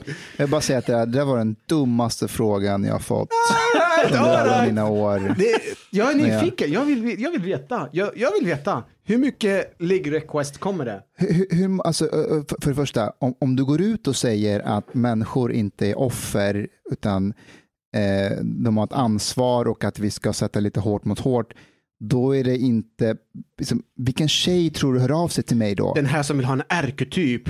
Här, det här som vi har pratat om. Man vill ha den här ledartypen som du försöker gestalta. Nazister alltså. Det, hallå, kan svara på min fråga? Hur mycket request, hur mycket svar har, hur många förfrågningar från... Eh, Svara på frågan, Alltså, hur svårt kan det vara? Hur svarar man på en sån Svara fråga? på den, svara Ashkan, på den. Ashkan, snälla sätt mig. Om Du vet, du, om jag du har ska... jobbat som polis i 11 år. Du vet att när vi, ställer, när vi har misstankeförhör och vi ställer kritiska frågor och det finns så här Jag har känslig också- information. jag har också varit polis, Hej, din du var polis för länge sedan. Det, uppenbarligen kan inte du koderna. Det här är inte en typiska reaktioner från den här misstänkte. Våga, vägra svara på frågan. Okej. Svara på frågan. Alltså, Ashkan, om du, om du, om du skulle vara min, om du skulle vara min, om du skulle vara min man, Ashkan är min advokat, Ashkan är min advokat. Ashkan, hur svarar jag på en sån korkad fråga utan att, utan att säga att han är korkad? Du tar upp din telefon, Ta fram den. du öppnar Instagram Visa de här och så, requesten. och så går du in i DM. och så säger du hur många sådana request du har fått. Du ska vara min advokat. Hur många- Du är hur sämsta många advokaten. Du behöver ingen advokat. Du behöver en psykolog. Det är så här konkurrens. Hanif är avundsjuk på dig. Det, Ja, men det, det, det är absolut. absolut. Jag har inga problem. Och Mustafa, hej, och till skillnad från Mustafa- share. Och till skillnad, och till skillnad från dig, Så alltså, det, där kommer den där socialistiska mujahedin, folkets mujahedin-grejen. Han vill, han vill att man ska dela med sig. men alltså grejen är så här, du, du, Skriv dina egna debattartiklar. du, Mujahedin is not getting pussy. Police is not getting pussy. grejen är så här, du, du är redan upptagen, du har en stadigt förhållande, jag går torrt här. och, Dela med dig. Kan vi börja prata om gangsterrap nu? nej, nej, nej, Mustafa. Jag tror, jag, alltså, Ashkan ställer samma frågan. Ta fram din telefon och bara räkna. Du behöver inte säga exakt vad de har skrivit. Mustafa, Jag vill Mustafa. inte höra alla så här natt... Okay, okay. I'll, I'll, summarize this for you. Yeah, Thank you. Hanif, you have to introduce him to somebody. Ja, jag hör hur desperat han yeah, är. Yeah, you have to introduce her, like a girl or two. Hanif, vi, jag Yeah. ringer dig sen. Fix something. Det finns en R. Kelly-låt där han sjunger om att, typ, att hans tjej klagar på att han är ute på klubben med, med sina kompisar, att han träffar andra tjejer bakom hennes rygg och bla bla. Och så sjunger han att men jag kommer ändå hem till er på kvällen sen. så att det ska få henne att lugna ner sig. Liksom. Han har liksom legat med tre tjejer under dagen, man kommer och sover med henne på kvällen. Ja, det är ju ändå lojaliteten till frun, eller flickvännen. Det är så, det här är så mujahedin-filosofi som No, no, funkar no. i... I, I would say, okay. Okay, now this is Arab philosophy. I would say high access to pussy gives pussy stability. Mhm. So basically, if you are in a relationship where your partner knows that you, you know, you are a desirable man, your partner is more likely to be with you than if actually you're like, nobody wants this fucking guy. Så, så då kan jag också Why would I Ja, want to exakt. be with that fucking 100 guy? procent. Det är Ja. därför alla skiljer sig i Sverige. För att det har, så här, det har blivit kut- kutym att du ska vara den här mes, eh, su, supermesiga mannen. Mm. Men gäller det, gäller det åt båda hållen? Alltså Ja, att, att, eh, att tjejer, eller att killar vill också vara med tjejer som de vet är eftertraktade av andra. Det är klart att de vill det, det låter Yeah, helt naturligt. ja så du måste ju hela den här rädslan av att din partner kan gå och välja någon annan när som helst. Om den inte finns så har du ju inget jävla incitament till att konstant förbättra dig själv. Partly that, and partly, who wants to be with an unattractive person? Nobody really. Folk det- utan mm. värdighet, eller folk som är så osäkra på sig själva att de är rädda för att partnern ska sticka. Mm. Då väljer de någon som de vet absolut inte kommer ha något hot runt omkring sig. Mm. Och då kommer de tämja den här till sitt lilla husdjur. Och förr eller senare, och det kommer Så, till så slut kommer de tröttna på de kommer tröttna. 70% skilsmässo eller separationsfrekvens i det här landet. Så om, om vi ska su- summera, ju mer Mustafa lägger ut debattartiklar, desto, desto mer liggstatus får han, fler tjejer hör av sig och desto mer kommer eh, Mustafas flickvän vara trygg och stolt över att vara i relation med Mustafa. Ju mer aktiv Mustafa är i samhället och ju mer han uttrycker sina talanger för omvärlden, desto högre status kommer han få, vilket kommer göra honom mer attraktiv för sin nuvarande partner. Ja, just det. Sekunden han kommer bli den här klängiga som bara klänger på sin partner och skiter i omvärlden. Partnern kommer sticka därifrån direkt, med rätta. That, but also, Hörni, jag måste, jag måste iväg, jag ska skriva en debattartikel. but but also like partly. Uh, so, if, for example, your partner sees that you are acting upon this access that you have to pussy, that basically you are trying to get that pussy, then there's a problem. Och, om ni har en överenskommelse om att ha ett monogamt förhållande, ja Yes, såklart. yes, yes, du ska, exactly. du ska Yeah, yeah. fucking hedra det, annars är du en tönt. Uh, yeah, it's not just that. You also, I would say that it's good to signal your loyalty to your partner. Like, oh, there are those other girls out there whom I can get, but, But I'm I- coming home to you I'm in the night. you. Not in the night, but not every night. Alltså, vad, vadå, menar du att man aktivt ska så här, ehm, hej nu hittar jag på, för jag har ingen, jag är inte i något monogamt förhållande, men jag hittar på så här, vadå, ska jag varje vecka så här, komma hem bara, hej Felicia, eh, det här är alla ligg-requests jag har fått på Instagram. no, not det är också en Okay, osäkerhetsgrej ju, Ja det är det. att visa upp det. I will talk about like one relationship that I had. Yeah. Omar, hur många relationship ha- har du haft egentligen? Du som är från Egypten och i Egypten får man väl inte ens ha en relation utan att man har gift sig? Eller? Yeah, but I, I, I used to make like, you know, mating journeys. But that's that's that's another story. Det där får, det, en avsnitt vi ska ha. Vi ska prata Ja. om det här senare. Yeah, Om dina resor yeah. till Brasilien och Afrika. Och... Russia, Africa. what would I do there? No, but um, anyways, so I had uh, a girlfriend in Estonia. In Estonia or from Estonia? Both. She's Estonian and I was in Estonia.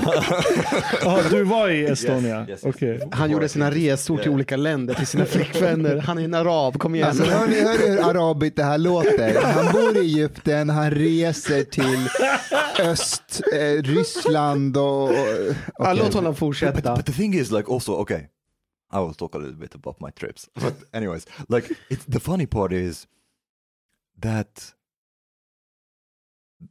the very first time, because yeah, like you said, in Egypt, you cannot really have sex before marriage and stuff. Like, it's it's very difficult. So, me and a friend of mine um decided to make our first trip to Istanbul, of all places. And yeah, it's not it's not your typical getting laid country, but it's it's very difficult for Egyptians to get visa to Europe if they have never been somewhere else before. And I remember uh, we had in mind this target: we will get we will lose our virginity in Istanbul. Hur gammal var du? That was shit. That was I was twenty one. Ej, var du oskuld tills du var 21? Man, until I was 10, I thought women had penises, but that's another story. Är det här din förklaring varför Menar du på att det här är din förklaring varför du var oskuld tills du var Alltså, 21? jag måste bara säga så här. Omar, du, du, du gör ingen bra reklam för den Mellanösternkulturen no, no, no, och wait, wait, egyptiska wait. kulturen. This is Okej. like I'm showing my the state of my evolution. So but anyways, oh, well, so so many angles here. Um, so yeah, we had in mind that we're going to to get laid, and then I was at uh, a museum there at Topkapi Palace, and I saw this girl, and I, I have no idea where this like amazing self-confidence and it's like a it's a done deal that if I walk up to a girl just like she will have sex with me I didn't see Arab. like, Det är dina arabiska gener. so I go walk up to to this girl and Maya was her name shout out to Maya whom I don't have contact with anymore but um, so I go walk up to her and she was like looking at some swords and stuff and I was like oh nice swords huh?" Swords? yeah it's a Topkapi Palace like you know it's a museum kind of thing Ja, det var Yeah. ett palats. Yeah. Okej. and uh, and we just started to talk and it turns out she she's from Brazil and Oh shit. yeah and then we're like okay let's go have lunch or something. And, let's go have sex. and then she's she started to to we started to talk about the Brazilian culture Egyptian culture the how it is with like attitudes towards sex, in Brazil attitudes towards sex in Egypt and so on. And then I said that I was virgin and she was just shocked. It's like what like yeah i'm a virgin. You can't really have sex in egypt before marriage. It's very difficult. She was like no you're lying to me. I was like no i'm a I can show you. and then when we were leaving she was omar are you really a virgin? I said yeah. Well i would be honored if i was your first. I was like just she was like super fucking hot and just like jaw drop. And i was like yeah should we go to my hotel now we go there and the fucking turkish receptionist he got like some anger fit and he didn't want to allow us to the room. yeah. Han kackblackar dig. fuck him. And she was like leaving the next day. So I was like oh shit. Like uh, now i'm losing my chance. At like losing my virginity with this like super hot brazilian girl. Then i got uh, i panicked and then i started to like look in every hotel in istanbul to try to find a room Alltså, det låter som en så här desperat, yeah super desperate desperat oskuld Yeah. arab i, i Estonia letar No, no, no, efter Nej, det här var Turkiet. Det här är Turkietresan. Vi har inte Yeah, kommit till. Estonia-resan än. so I, I go there and it's like I can't find any room. It's like high season there, summer. And then in the end, I find like a hotel, and I was like, okay, I want room. Would you let us be in a room if we're not married? And then the receptionist was no, and I was like, okay, give me two rooms. Then I got two rooms, and then I took Maya there, and she, was like it was insane. Like she put like the condom on with her mouth and stuff, and we had sex twice. The first time with the condom, the second time without. I was still religious back then. Uh, Hur menar du? Vad men- what does that mean? the first I time you tell have with I- and the second no, no, I will tell you. I will tell you. Like I still thought that I still believed in Allah and that sex was a sin and things like that. So we have sex the second time without protection, and Maya was like, "Omar, I have a secret," and I was like, "Oh fuck." This is the first time to have sex, and Allah is punishing me, and she has like AIDS or something, and now I'm going to die. This is like the thing that came to my mind. My heart was like pounding like fucking crazy. And she was like, I am pregnant. and my my heart was boom boom boom boom. I am getting married in ten days. I was like, it's okay. it's okay. And, I- and I alla, think she alla was kind of sig inte om offended. det. Alla bryr sig inte om det. Yeah, I was like, oh, that's fine. I thought I got AIDS now, and that's that's great news to hear. Uh, and then Maya invited me to Brazil. Till hennes bröllop.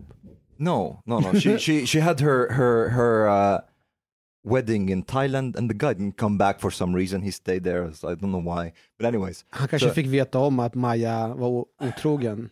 who knows? But uh, so I went to Brazil, and uh, and the thing is, like when I look back now at these countries that I was going to, I used to travel like every three or four months somewhere outside of Egypt to both like combine it with like seeing the country, but also like to have sex. Uh, and and it's it's it's also crazy now. I'm looking back at this guy with this kind of like absolute like certainty. Of course, I will go some country that I don't know any person over there for just one week, and I will just sleep with a lot of women. Like if that guy would come to me today, I'd be like, "Are you fucking nuts?" and the the funny part is that it worked. like I went with that target in mind, without with literally zero doubts, and it worked every time. Anyway, so Ja, let's men det go. blir en självuppfyllande profetia. Yeah, in a way. Ja. Uh, and uh, yeah, so I was with this this Estonian girl, um, and Alltså en, en detaljgrej bara. Ja. Vilken av dina egenskaper, eh, egenskaper tror du att gör att det, att det finns en otroligt stark attraktion över att ha sex med dig? Jag menar, så här, Mustafa har ju uppenbarligen problem, det är därför han håller på med sina debattartiklar. Jag tänker, du behöver ju inte göra det, så vad är det för något du har? Mustafa, ta sig okay, if I if I would be, I think it has to do with my view of this whole thing because for me, in the end, it's like a a game of numbers and probability. So if I would approach, I don't know, two girls, it's possible that both of them would reject me and they will not get laid. If I approach 100 girls, of course I would get laid.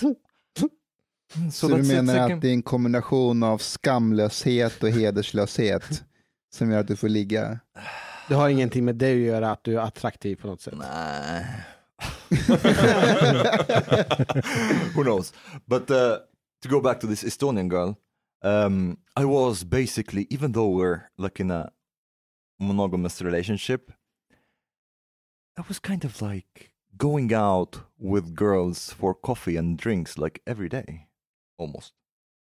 And of course, she was upset about it, and and it's kind of like strained their relationship. And uh, the, the the funny part also is that what attracted me to her is that she was this bohemian, free-spirited artist and stuff. but in the end, after we broke up, plot twist, she converted to Islam and married an Islamist from Turkey. Oi. Yeah, she was like, Wow. I want the furthest thing away from this guy. Give me an Islamist. yeah. So that was, Vad hände under den här resan i Brasilien? aha, oof, that was something. Du blev Eh. bara bjuden till Brasilien och du åkte dit. Yeah, I Hur did. fan har man råd som arab? De här, hans fördomar är så rena på något sätt. And, and the funny Jag part, tror, jag tror jag vill veta. I was also like taking taking it to the other extreme. So Maya was like, um, was like Sharon Stone in like Basic Instinct. She was like this super like. One time we're at a club and she was basically almost raping a guy over there.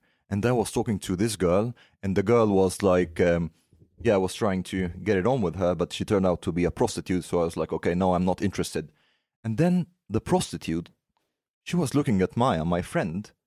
She was shocked by her behavior towards the guy. She was like, What's your friend doing? and she's the prostitute. and then Maya, one day in Brazil, she told she tells me, Omar, I know that you like to like you know, have this adventurous side and so on. So there's this place that I want to take you to. I was like, yeah, I'm in before even like asking what the place is. And she was like, yeah, so it's like basically like an orgy house. So people have sex like in the, in the club in front of everybody. I was like, yeah, okay, but will I be forced to have sex? she was like, no, no, no, you can just watch. I was like, okay, let's do it. I still remember the name of the club, Marrakesh in Sao Paulo. And uh, next trip, huh? uh, and then we went there, and it's it turns out like some kind of like sex haven. So it's a strip club, um, orgy house, so- and there's this stripper who, and, and imagine like I'm like this Arab guy from fucking Egypt who just lost his virginity, and um, yeah, and then the stripper comes and sits in my lap, and then I, I don't know, I was not even thinking. So I was like touching her, and my friend Maya was like holding my hand and stuff. And the the guy on the on the mic, he, he was like making fun of me, and he was he kept telling the stripper to go back to the guy in the white shirt. That's me. And then we we go into uh, it has these rooms where you can see people fucking in the club. And then there was the a room called the dark room. So it's a dimly lit room packed with people fucking all over the fucking place. And I'm just I'm just there sitting on on some couch or something. And people next to me fucking people like in front of my face fucking and zoom out again with this shocked face. Again this Egyptian guy who's totally out of place. Then Maya comes to me and tells me Omar there is this couple who are interested in us and I, was like interested in us? What do you mean? And she was like, yeah, I didn't tell you, but this is also a swinging club. I was like, okay, is this her husband? And she was like, yeah, but it's okay. Mhm. Like, I don't know. I can fuck her, but not if their husband, her husband is in the room. She was like, no, no, this is not how it works. Like, okay, so I'm not interested. Then she was like, okay, let's go have a drink. And then we go. It turns out this drink is in their hotel room. so the four of us are sitting in, in this big bed, and the three of them trying to convince me to have sex. And I'm the, the party pooper, you know. I'm like, What? no, no, uh, oh, En no. arab som säger nej till sex. Yeah, if the husband is there. this is not That is very. Du menar att du har principer? yeah, exactly.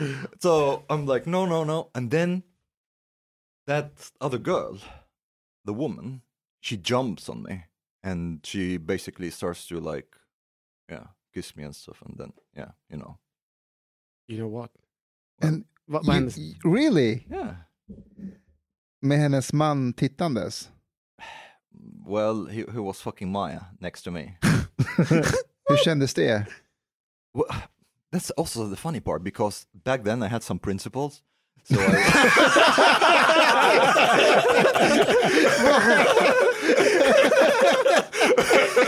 Menar du att du inte har det nu? well, yeah, but uh, like um, when I when I went to, to my visit to, to Brazil, I didn't sleep with Maya again. I was like, okay, no, you're a married woman. I'm not going to. to Var hon sleep with you." fortfarande gift när ja. du... Okej. She was. She Så, was married. så det var inget problem att eh, vara otrogen, att hon var otrogen med dig? Mm. Hon kanske hade What? öppet förhållande. Nej men hon, Maja sa ju att hon skulle gifta sig. Yeah, she was married then. When I went to Brazil, she she was married. So I was like, I will Så när not ni sleep gick till with a married woman. swingersklubben så var hon fortfarande gift? Precis. Okej. So I, did not. I did not do anything with Maya. Och den principen att du inte ville vara med Maja för att hon var gift, var det liksom ett muslims princip eller var det... Uh, Hade du blivit no, ateist no, då? no, no, not not Muslim, but like um, Inget religiöst. I don't know what what it was. It just felt weird that she would be married and I would be having sex with her, and I'm not sure what happened to that principle across across the years, along the years. But uh, yeah, that principle is not there anymore. Um, yeah, so that was a bit about. Mm. Okej, så Maja är nu gravid och har... Yes, my child from Yeah. Wh- wh- what year was that? I think that was like 2008. Oosh. Imagine if I have a 12 year old child somewhere, or like 13 also. Yeah, 13 year Hej, old. allvarligt, hur hade ni känt om, om någon av ert ligg hörde av sig idag och bara så här, Jo, jag har tänkt på det flera gånger. mm, hur hade du gjort? Ingen fucking aning. Hade det, Alltså om det är, det- så här, om det är en to- 12-årig snubbe liksom. det, är så, jag, jag- det, kommer, det kommer vara en lång barriär för mig att kunna connecta med den personen. mm. Och om den har klarat sig i 12 år utan mig, det är så här, it's gonna complicate things. Så du kommer inte att liksom reach out och vara en del av den personens liv? Jo, jag kommer ju göra det. Yeah, Jag kommer göra det. well. Det kommer vara skit svårt att bygga en connection vid det Mm. laget. Mm. Speciellt om den personen har en stabil fadersfigur. Mm. Men jo, jag skulle, jag skulle inte kunna sova om kvällen om jag inte hade gjort vad jag kan i alla fall Mm. för att bygga någon. Men tanken skrämmer mig. Det är skitläskigt, men Ja. alltså, jag undrar om det skulle vända hela hans liv upp och ner. Tänk om de, eh, hon ringer och bara, "Det- hon är två år. Och jag behöver din hjälp nu.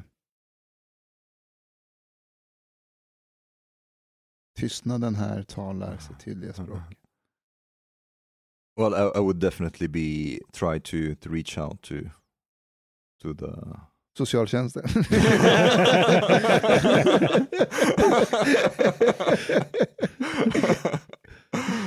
Abortkliniken. Vi kommer aldrig få hit Ebba Busch Thor nu. no. Den här veckan så var ju den här andra debatten kring den här eh, kultur, rapkulturen. Mm. Och den första personen som jag tänkte att eh, jag skulle ha som min wingman, det var ju dig. Så jag ringde till och med och hade värsta upplägget för en debattartikel.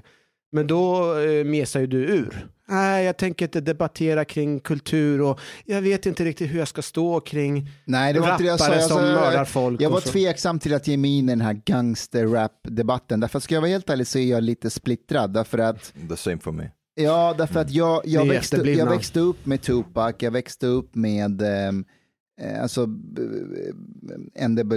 eh, Jag växte upp med Michael Jackson, jag dyrkar Michael Jackson. Jo, men han sjunger inte om barn.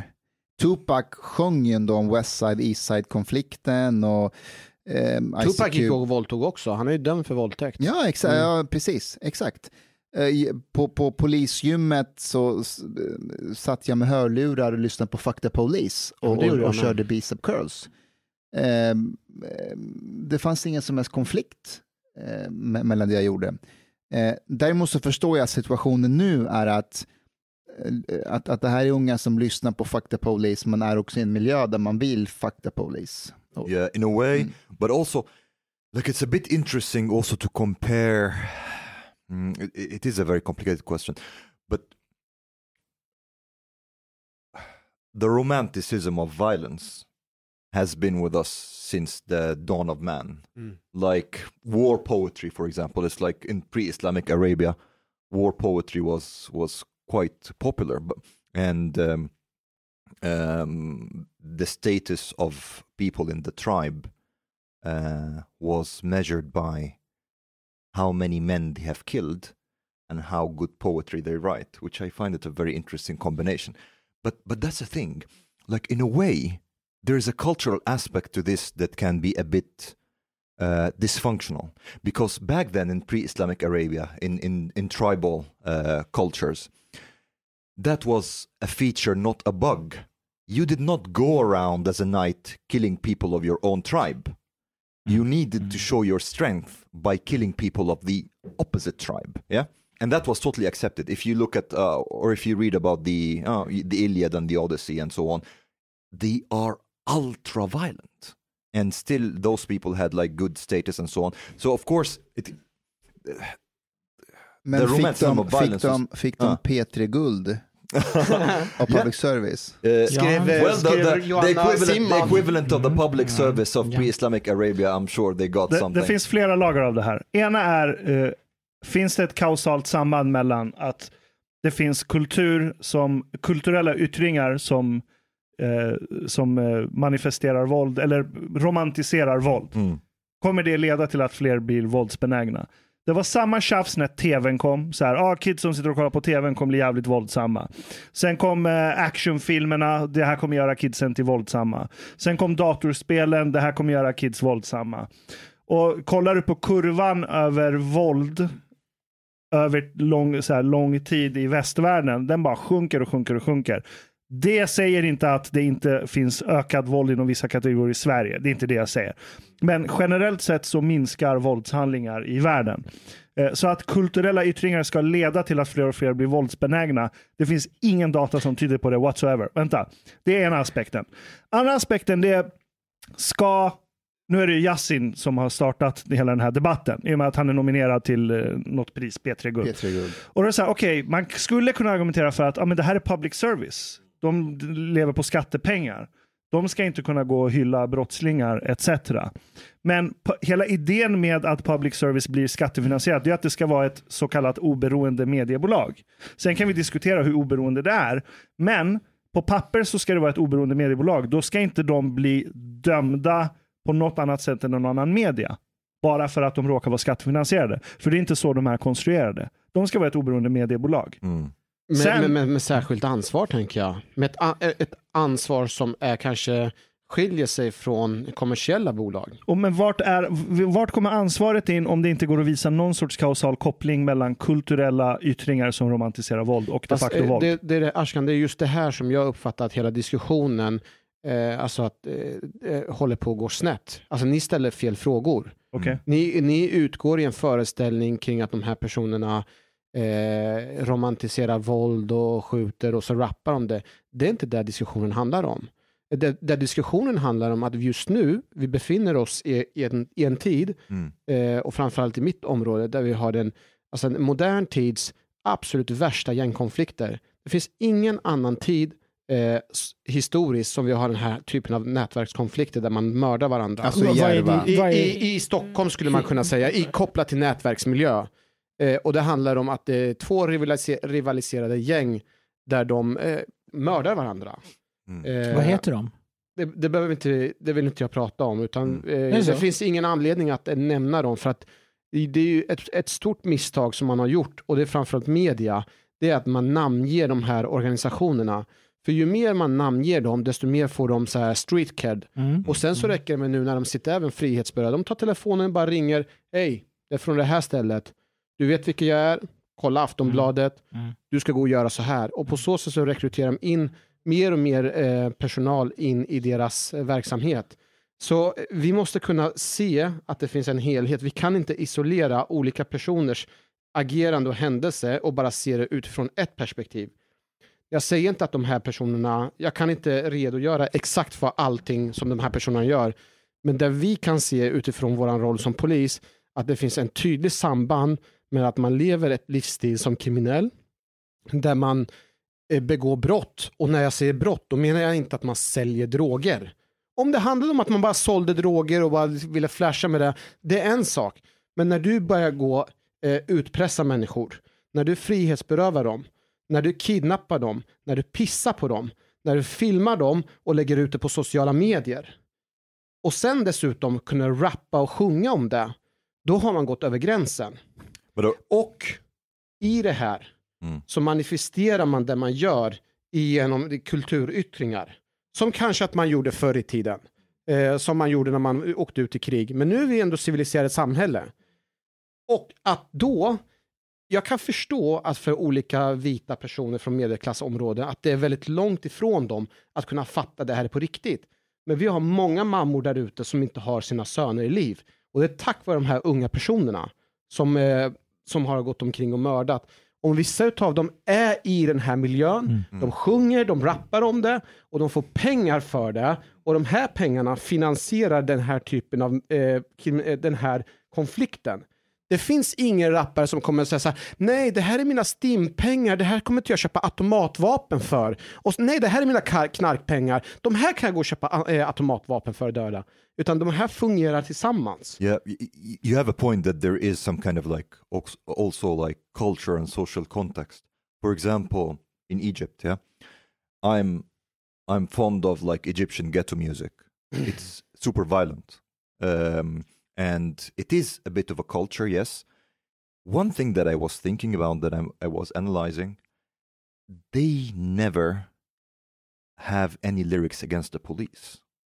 They are always like think like singing about how they will murder like other people mm-hmm. you know but never really the police. Mm-hmm. And and the thing is like first there is this this thing with like for example in arabia it was actually a feature. It was something good with this like violence romanticism because you you were needed to be like a, a warrior and so on. So this culture was good. In egypt there isn't necessarily a violence monopoly because these people still have like weapons and stuff those those gangsters in Egypt. But there is a very very clear violence superiority. So for example if those gangsters those people they know that the police have like they are fascists. They are total free hands. They know that they are way superior than them if something happens the police just goes in ties people uh, to cars drive them around and like you know they they can like have them over at the prison butt fuck them with like broomsticks electrocute their balls like uh, put put them in dresses and call them female names to like uh, you know the uh, yeah humiliate them. And or like they ki- people uh, they kill people in prison and just go throw them in, in the ghettos in the suburbs. And this is a message for these gangsters this is what if you cross the line this is what will be done to you there's no like um so in a way this kind of like very clear vigorously clear violence superiority is not present here in sweden Mm. from the police side they, they can't do this Det, det finns ingen motstånd. no, Nej. no, Nej. they don't have like. It's, it's not just about they don't have the violence monopoly. They don't even have the violence superiority. It seems Nej, like. nej. Får jag, får, jag, får jag fråga dig en sak Ashkan? Och så får du se om, om, eh, om, det här, eh, om det finns en liknelse här. Så Kalle, 15 år, som typ bor i Solna, medelklass.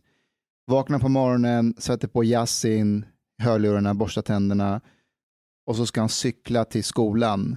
Och på väg ut så ropar mamma Lena så här, Kalle, glöm inte cykelhjälmen. Och medan han lyssnar på jazzen så tar han på sig cykelhjälmen, liksom, för det är viktigt att cykla med cykelhjälm och så cyklar han till skolan med jazzen i hörlurarna.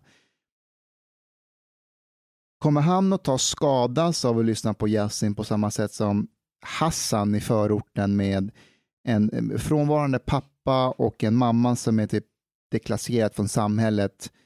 Eh, och när han vaknar på morgonen och sätter på jazzin är på väg till skolan och skolan går lite halvdåligt och han har lite halvkompisar. Om vi lever i en samtid där en raplåt är det som är den vägande faktorn för att om en människa ska bli gängkriminell eller inte, då har vi mycket större problem än gangsterrap. Okej, men låt vänta, kom- vänta, ja. vänta, vänta. Det är svar på din fråga. Sen har du det här, du argumenterade för att eh, liksom medelklass, mamman och pappan inne i stan, de är så långt borta från det här. Kalle är till och med långt borta. Ja, men Kalle det, fattar det låter här. som att det bara är medelsvenssons inne i innerstan som lyssnar på gangsterrap. Nej, nej, nej. Folk i Eh, orten lyssnar på det minst lika mycket, om inte mer. Problemet är inte att, problemet är inte, jag ser inte problemet är att det är vem det är som lyssnar. Problemet så som jag ser det, är att det finns etablerade personer som legitimerar det här och är naiva i sitt förhållningssätt till de här personerna och vad de gör.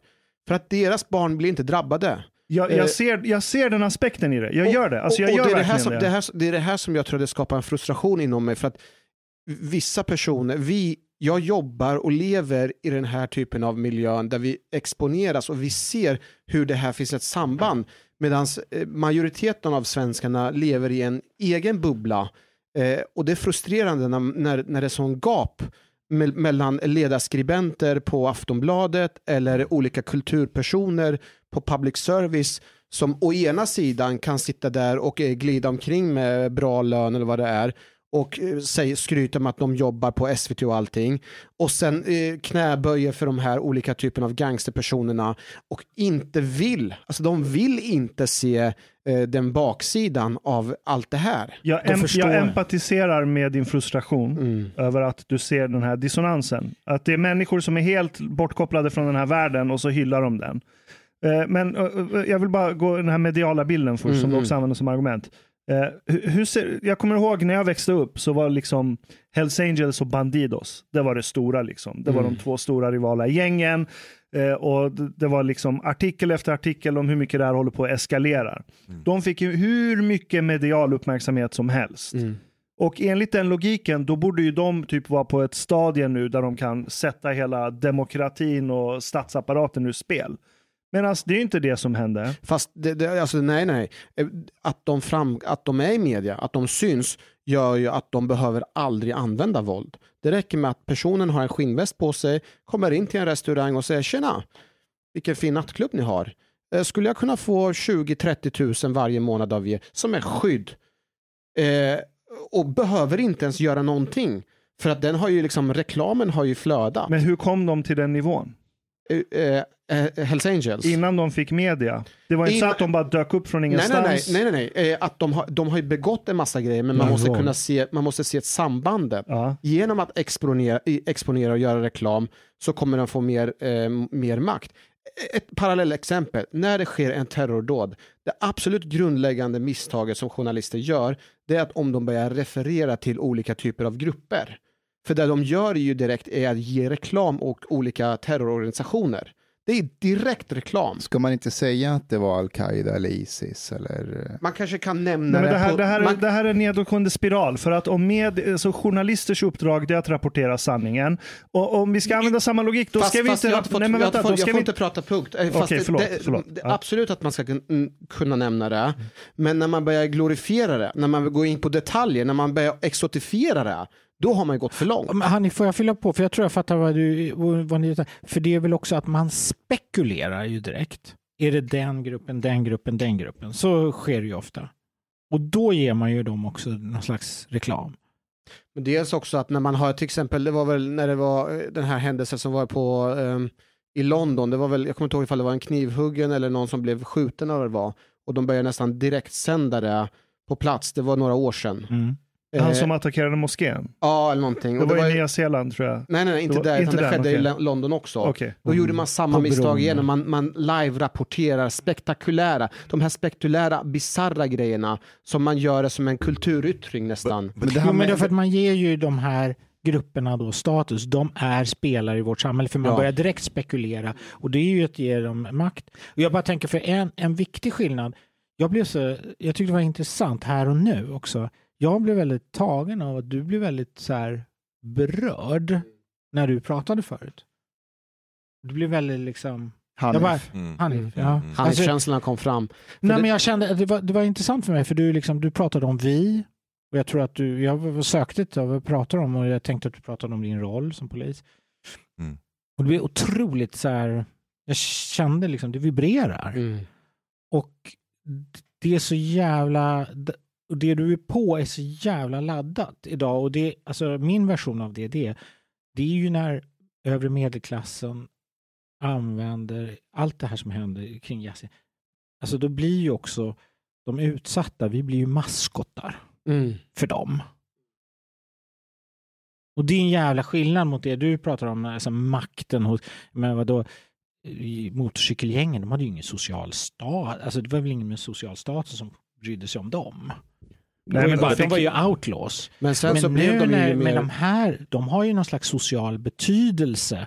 De får legitimitet också i, i, i olika typer av medier. Och så länge de, om de, inte, alltså om de hade bara sjungit om det så är vi, jag den första att vilja att de ska hålla på med musik istället för kriminalitet. För att de beskriver en samtid. Jag skiter i vad de beskriver, jag, jag, jag, jag gillar bara att de håller på med musik och inte med, med kriminalitet. Och att om man kan inse att du kan tjäna mer pengar på musik än att sälja droger eller begå brott.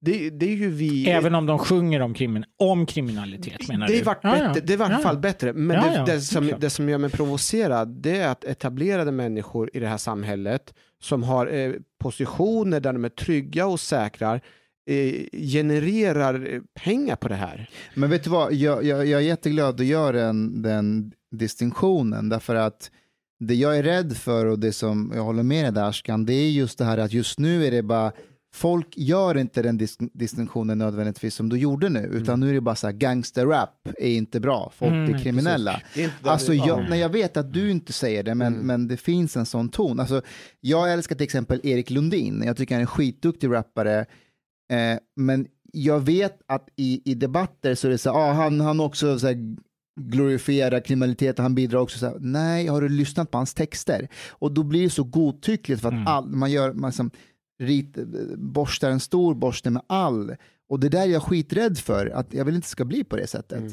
Och då är det viktigt att man faktiskt pratar så som du gör. Mm. Ja, alltså det vi pratar om det är ju människor som eh, håller på med gangsterrap men som aktivt också begår de här brotten som de sjunger om. Och inte, som är vilka, aktiva och, och, och inte vilka brott som helst. Nej, det är våldsbrott. Det är brutala skillnad på våldsbrott. att sälja droger, Ja. som jag säger, ah, röka och vifta med sina pengar. Jag skiter fullständigt, eller köra bil olagligt. Ja, det är Men, att- grova men, att- våldsbrott. men att, du, att, du, att du har kontrakt på att gå omkring och mörda folk. But, Alltså du är mördare. mm.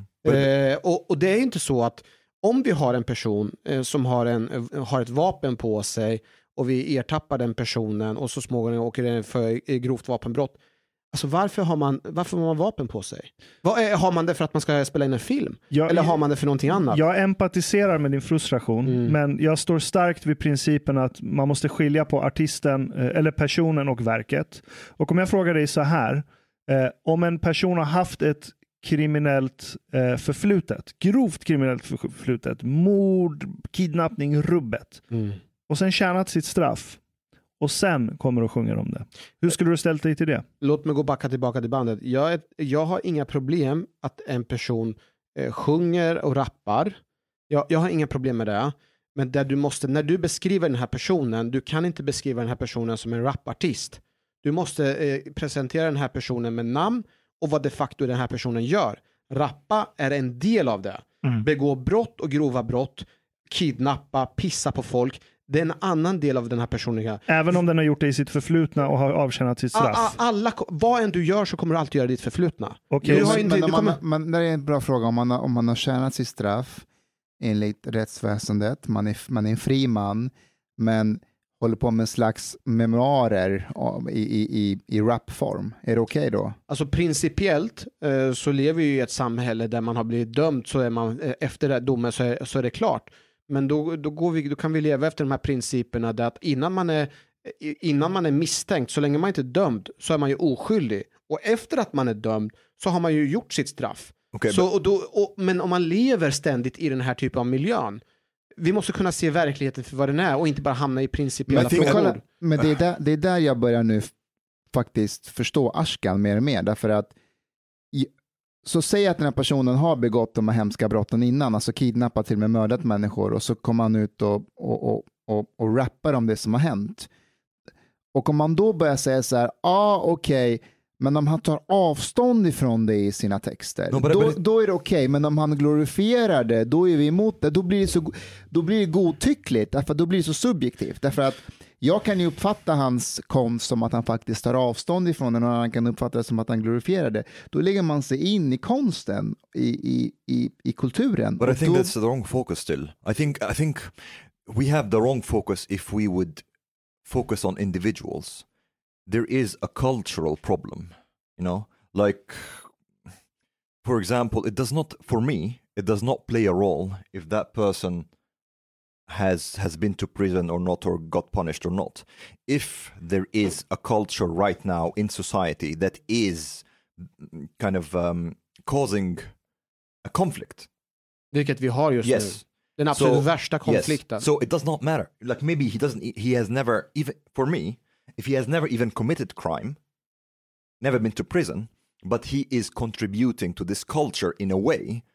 For me, I could men see this, men this something men that's like leading to avgör det? criticism. Vem avgör att han, eh, att han contribute till Det den kan, vi, det, det, kan inte, det kan inte Johanna Simman säga på sin ledarskap, eh, på, på sin le- vad heter det? Ledarsida. Men det kan i vart fall vi se som träffar på de här Men individerna. hur kan du avgöra om en person som har begått brott innan har avtjänat sitt straff kommer ut och börjar rappa om det, att han bidrar till den kulturen? Hur då? Well, it, Det är en alltså, det- hypotes. det har Det, är bara en det hypotes. Nej, men det, det, där den gör, alltså, det handlar ju om att i, din, eh, i de här rappande, i allt vad man gör, eh, så, så är man med och bidrar till en sfär där andra personer håller på. Eh, Men, nu, men nu, har ju du, nu har ju du ändrat dig. Innan så sa du så här, jag har inga problem med att man rappar. Jag har inte ens några problem med att man håller på med pengar, att man kör olagligt, till och med säljer droger. Eller, men, men nu säger du att ja, men även om man har avtjänat ett straff och kommer ut och rappar om det så är det ett problem. Vad ska man göra fast åt det här? fast, fast eh, Mustafa, eh, om vi ska titta på det rent krasst. Innan du har eh, blivit dömd för ett brott så är du bara misstänkt för ett brott. Du, eh, du, du är egentligen oskyldig tills du blir dömd. Eller hur? Ja. Ja. Men sen när du blir dömd och får köra, avtjäna ditt fängelsestraff, då har du ju gjort din straff. Innebär det praktiskt taget att alla de här gärningarna, alla de här morden och allting man har gjort, är de, finns inte de? Men alltså då måste du ju varje gång, för du sa att då måste vi vara eh, transparenta och säga att den här personen är en rapartist, men det är bara en del av den här personen, den har också mördat och gjort det här. All right, Men all right, okej, hur okej, långt det är, ska jätte, vi- det är hur jätteenkelt. Man, man börjar ta avstånd från det. Det är jätteenkelt. Nej, men du, hur- går ut och, du, går, du går ut, jätteenkelt. Du går ut, ut och tar avstånd. Du säger det här jag har gjort, det har varit fel. Jag ångrar det. De, den här nätverken, jag är inte en del av det. Jag vill inte vara där. Men det kommer inte heller göra eh, då den ogjorda heller. Nej, nej, nej, inte att det är ogjorda, men du ställer frågan, när är det okej? Då säger jag så här, I vart fall så kan man börja, processen kan börja någonstans när man tar avstånd från det. Du kan inte vara en person som begår brott och inte ta avstånd från det Okej. och fortsätter det här Men livet. hur tar man avstånd? Ska, man- ska han ta avstånd ifrån det i sin musik eller in i, utanför musiken? Får han rappa om det men ta avstånd? Hur, hur, hur ska det gå till? well, I- think Jag vet I don't inte know. exakt hur jag, det ska, gå till. för jag, sitter och funderar. eh, Alltså, vad, det som, om vi nu när vi pratar om ga- gangsterrap har fastnat i en enda grej, det är liksom, är det rätt eller fel? På något sätt.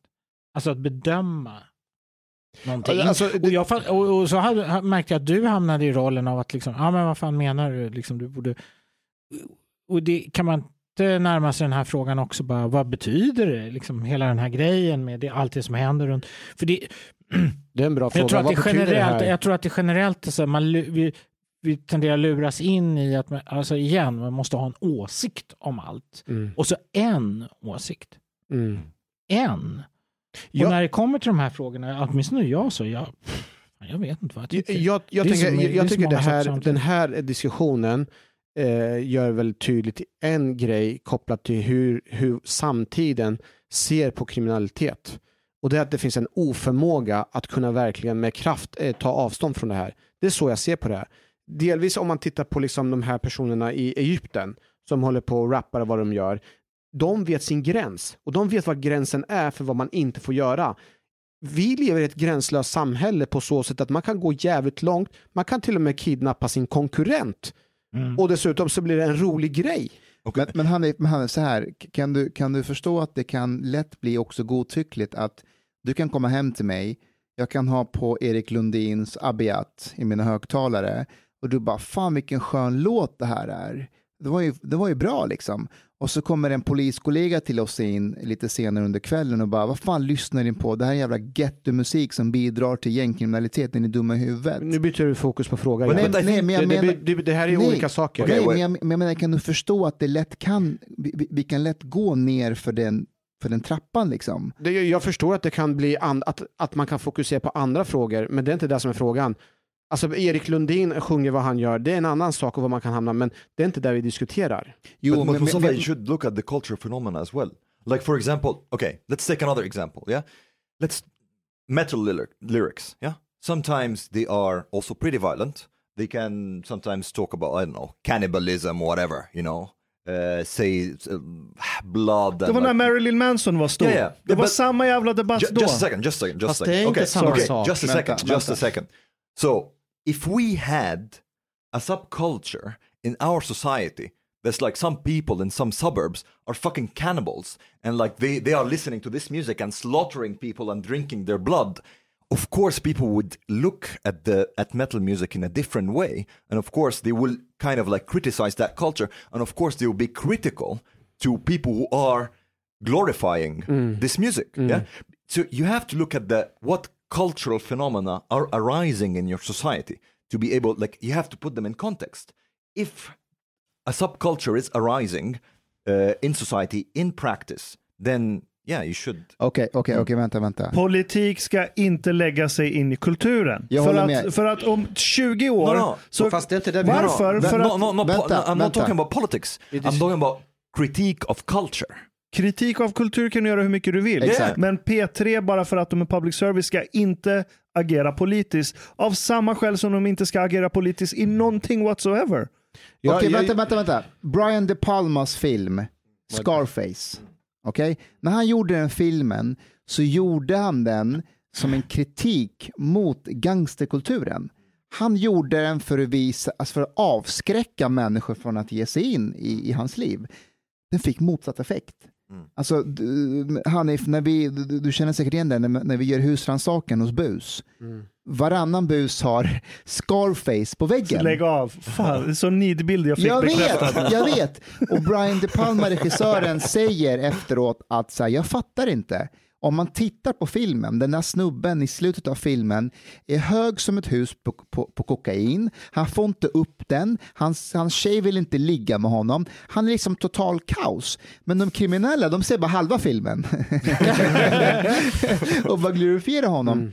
Så ha, Omar, om du gillar Scarface, dude, du är en del av problemet. För den har bidragit till en subkultur. Låt mig bara svara på din fråga Jag Ashkan. tycker att det känns, alltså, det är i alla fall bra att vi placerat skulden någonstans för allt det här. Scarface. Nej, på Omar. Om- Men han är arab, han får alltid skulden. Det, det, enda jag säger, det, det enda jag säger är egentligen så här. eh, Så här.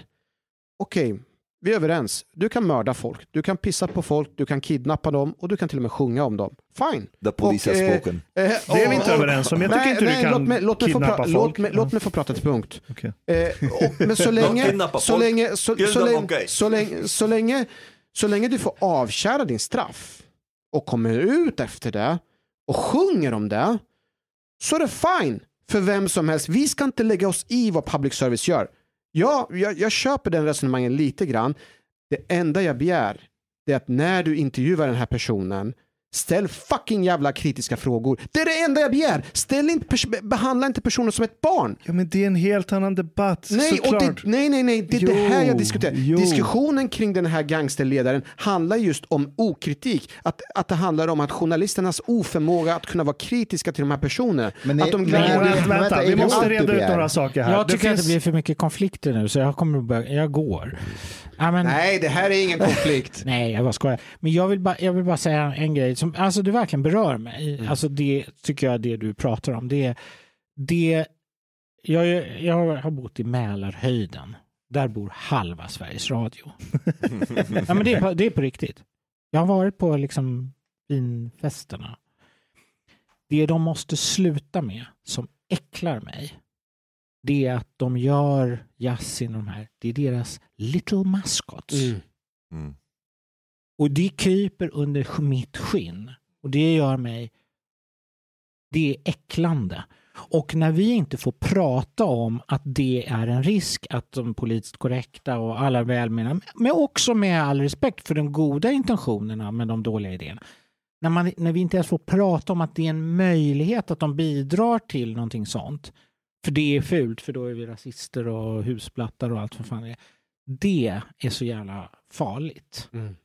And well, Yasin didn't have his tomato sauce taken off the shelves. Exakt. Alltså, den, den biten, det du säger Johan, det håller jag helt med om. För att det, det finns olika måttstockar här. Och, och vad, vad, nej men vad, vad, vad, det här. Yasin Gate, om vi ska kalla det för det, vad det egentligen avslöjar, det är ju hur den mediala makten eh, tolkar den intersektionella trappan.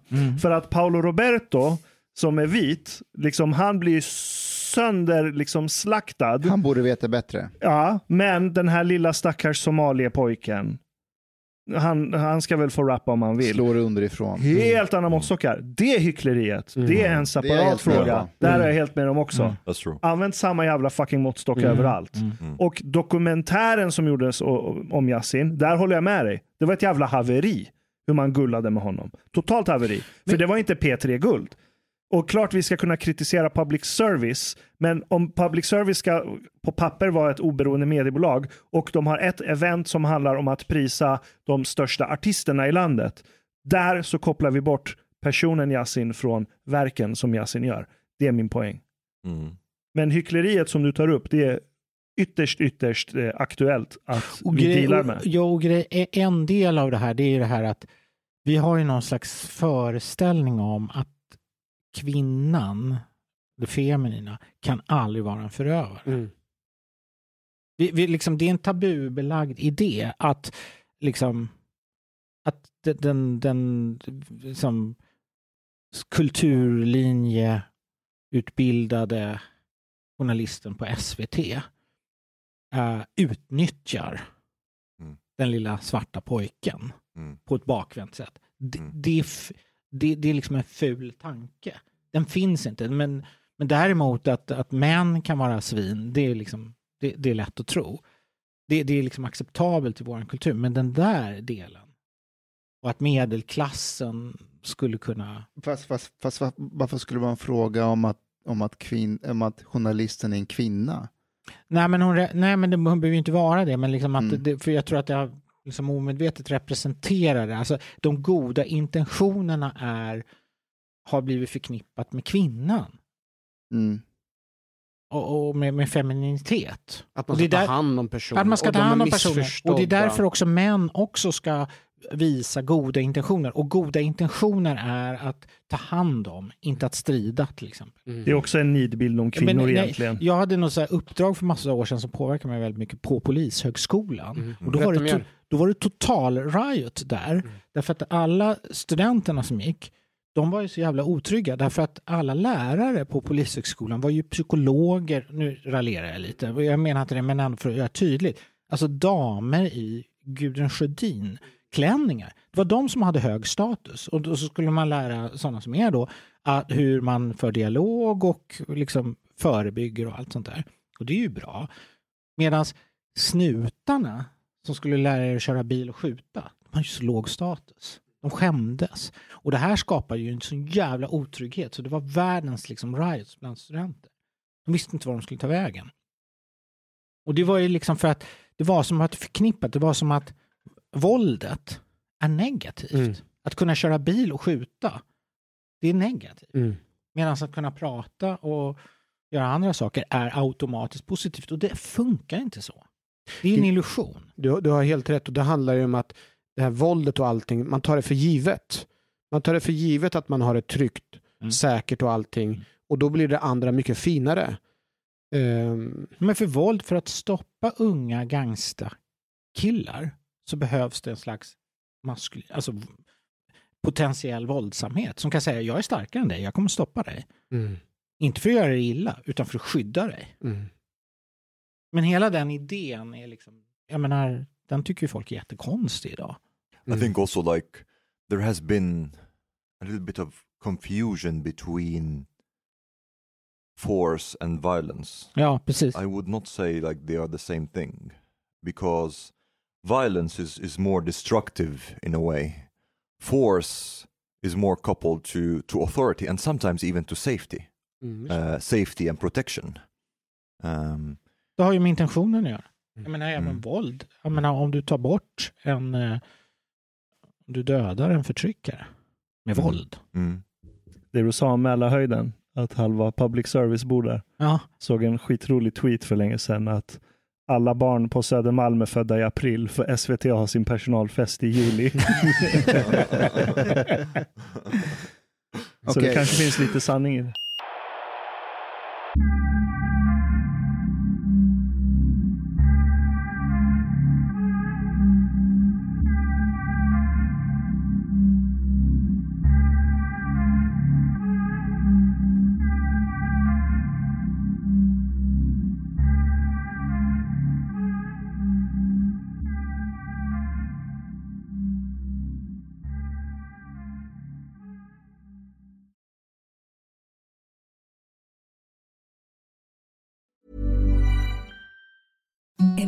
The softest sheets you've ever felt. Now imagine them getting even softer over time. That's what you'll feel with Bowl and Branch's organic cotton sheets. In a recent customer survey, 96% replied that Bowl and Branch sheets get softer with every wash. Start getting your best night's sleep in these sheets that get softer and softer for years to come. Try their sheets with a 30-night guarantee. Plus, get 15% off your first order at bowlandbranch.com. Code BUTTERY. Exclusions apply. See site for details.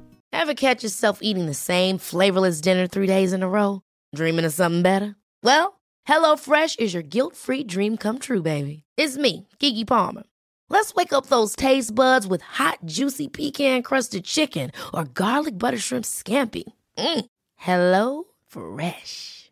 Stop dreaming of all the delicious possibilities and dig in at HelloFresh.com. Let's get this dinner party started. Hi, I'm Daniel, founder of Pretty Litter. Cats and cat owners deserve better than any old fashioned litter. That's why I teamed up with scientists and veterinarians to create Pretty Litter. Its innovative crystal formula has superior odor control and weighs up to 80% less than clay litter. Pretty Litter even monitors health by changing colors to help detect early signs of potential illness. It's the world's smartest kitty litter. Go to prettylitter.com and use code ACAST for 20% off your first order and a free cat toy. Terms and conditions apply. See site for details.